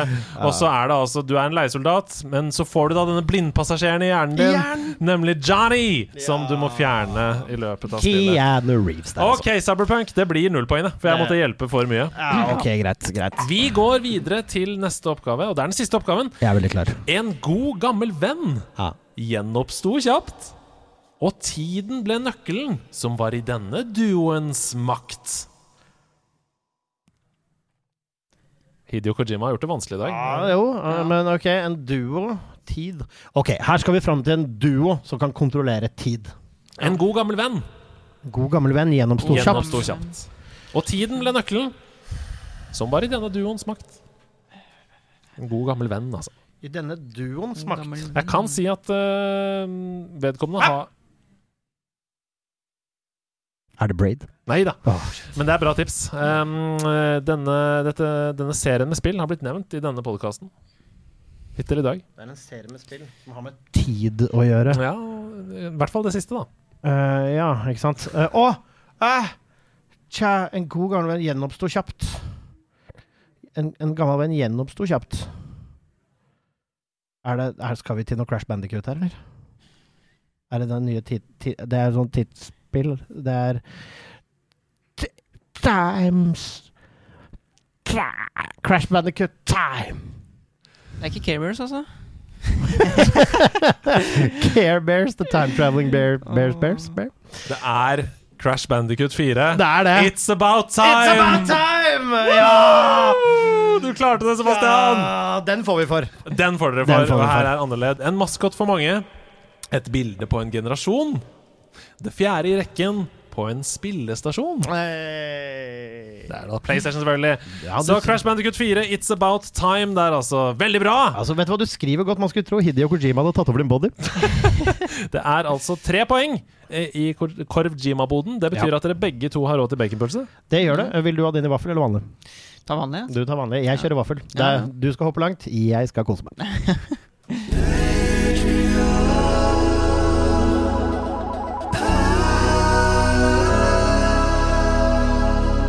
I dag er du heldig, Marius, for en gang i måneden, den siste episoden hver måned, så avslutter vi podkasten med en spalte som heter Patron Perler. Eh, og Patron det er jo en tjeneste der hvor du kan gå inn og backe oss på, eh, på Patron, naturlig nok, og få ulike tiers tilbake. Du kan få Q&A-stream med Sebastian og meg, f.eks. Stemmer. Du kan få deg en helt eksklusiv T-skjorte der inne, men du kan også få navnet ditt i Patron-perler. Ja. Oi, oi, Og det bytter altså på at vi lager et slags kunstverk eh, en gang i måneden, der hvor vi eh, får alle disse navnene da, eh, av de som backer oss inn på en eller annen måte. Dette er jo da, for å si det kort Dette er- kan absolutt, og de fleste av de kan være min absolutte eh, yndlingsspalte av og til. Fordi Ja. det er altså en ny, finurlig, gøyal måte å få sagt ekstremt mange navn på hver gang. Og vi har fremført absurdteater. Vi har rappa. eh, Kamelen var gjest her. Da var det Kamelen-rapp uh, her. Um, og dagens Patron-perle er basert på en ekstremt snever musikksjanger som var megapopulær fra typ 1997 til 1999. Og du skal være så alvorlig glad, Marius, for at du er født etter denne sjangerens storhetstid. For dette er noe av det flaueste. Dette er noe av det flaueste jeg vet om Jeg er så klar. i hele verden. Jeg er så Det, klar. og, og det denne sjangeren var, Ja. det var sånn snakkesyngete norske låter.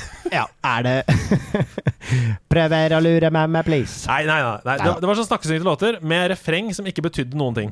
Som bare skulle være sånn catchy og finne på masse sånn 90-tallsord. Uh, rundt den tiden her så kom eksempel um, Kims. Kims Dipships. Husker du det? Kims kom med Dipships. Uh, Spitzy. I reklamene så sa de sånn Den er spitsy. Ja, den er superspitsy.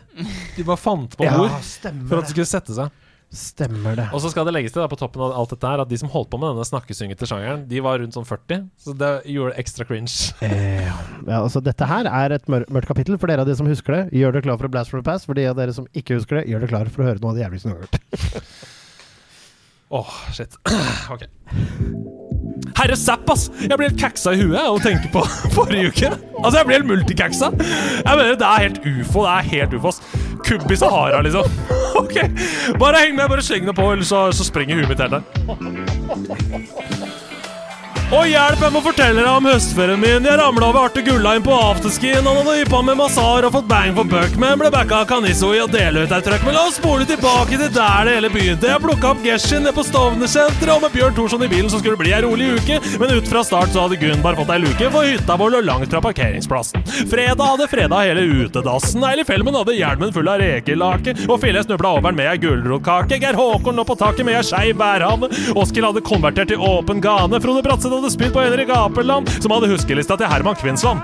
Der sto det én Ingerock er farlig om natten. To Sabine Olsen har sleppet med skatten. Tre Jon David Johnsen er en dobbelagent. Og nummer fire Caroline Mys er heltent. i flakk, gi meg hos ferietakk med Kasper Jørgensen. Kan du holde tåta? Jeg er helt sikkesak med Kim Olsen Sveen. Oh, du trenger Christian for å klikk-klakk holde sjakk. Men om du har Lucivero Lindariel, så har du i hvert fall flikketi flakk. Jonnings slaga rullings med piratfisktobakk. Martin Lone Nuland blæsta stubbisen i håndbak. Det var full fyr i peisen hos Frank Lindestad, for Ole Sunmann hadde med seg brukt pornoblad. Jeg vil ikke snakke om Ola Totenberg Klingen. Han kjørte buksevann på Sigurd Gram med trusa rundt springen. Magnus Wilhelmsen og Frank Lindestad kjørte MP3 i VLC med LSD i BCG. Og Simon Rungskog ropte 'Naturen kaller'. De òg som Bill i flertall blir de òg som baller. Sofia Bakke fødte Sondre Apalseth. Det var det verste Stig Hetland hadde sett. Orlando ringte spådame og fikk seg inn i pæra. Delisser hadde klådame som luska ned i fjæra. Tore Dallaker fikk tenning, hadde rumpa fremme. Trond Ryen, ja, han ble hjemme. Flinke til flakk, gi meg høstferie, takk.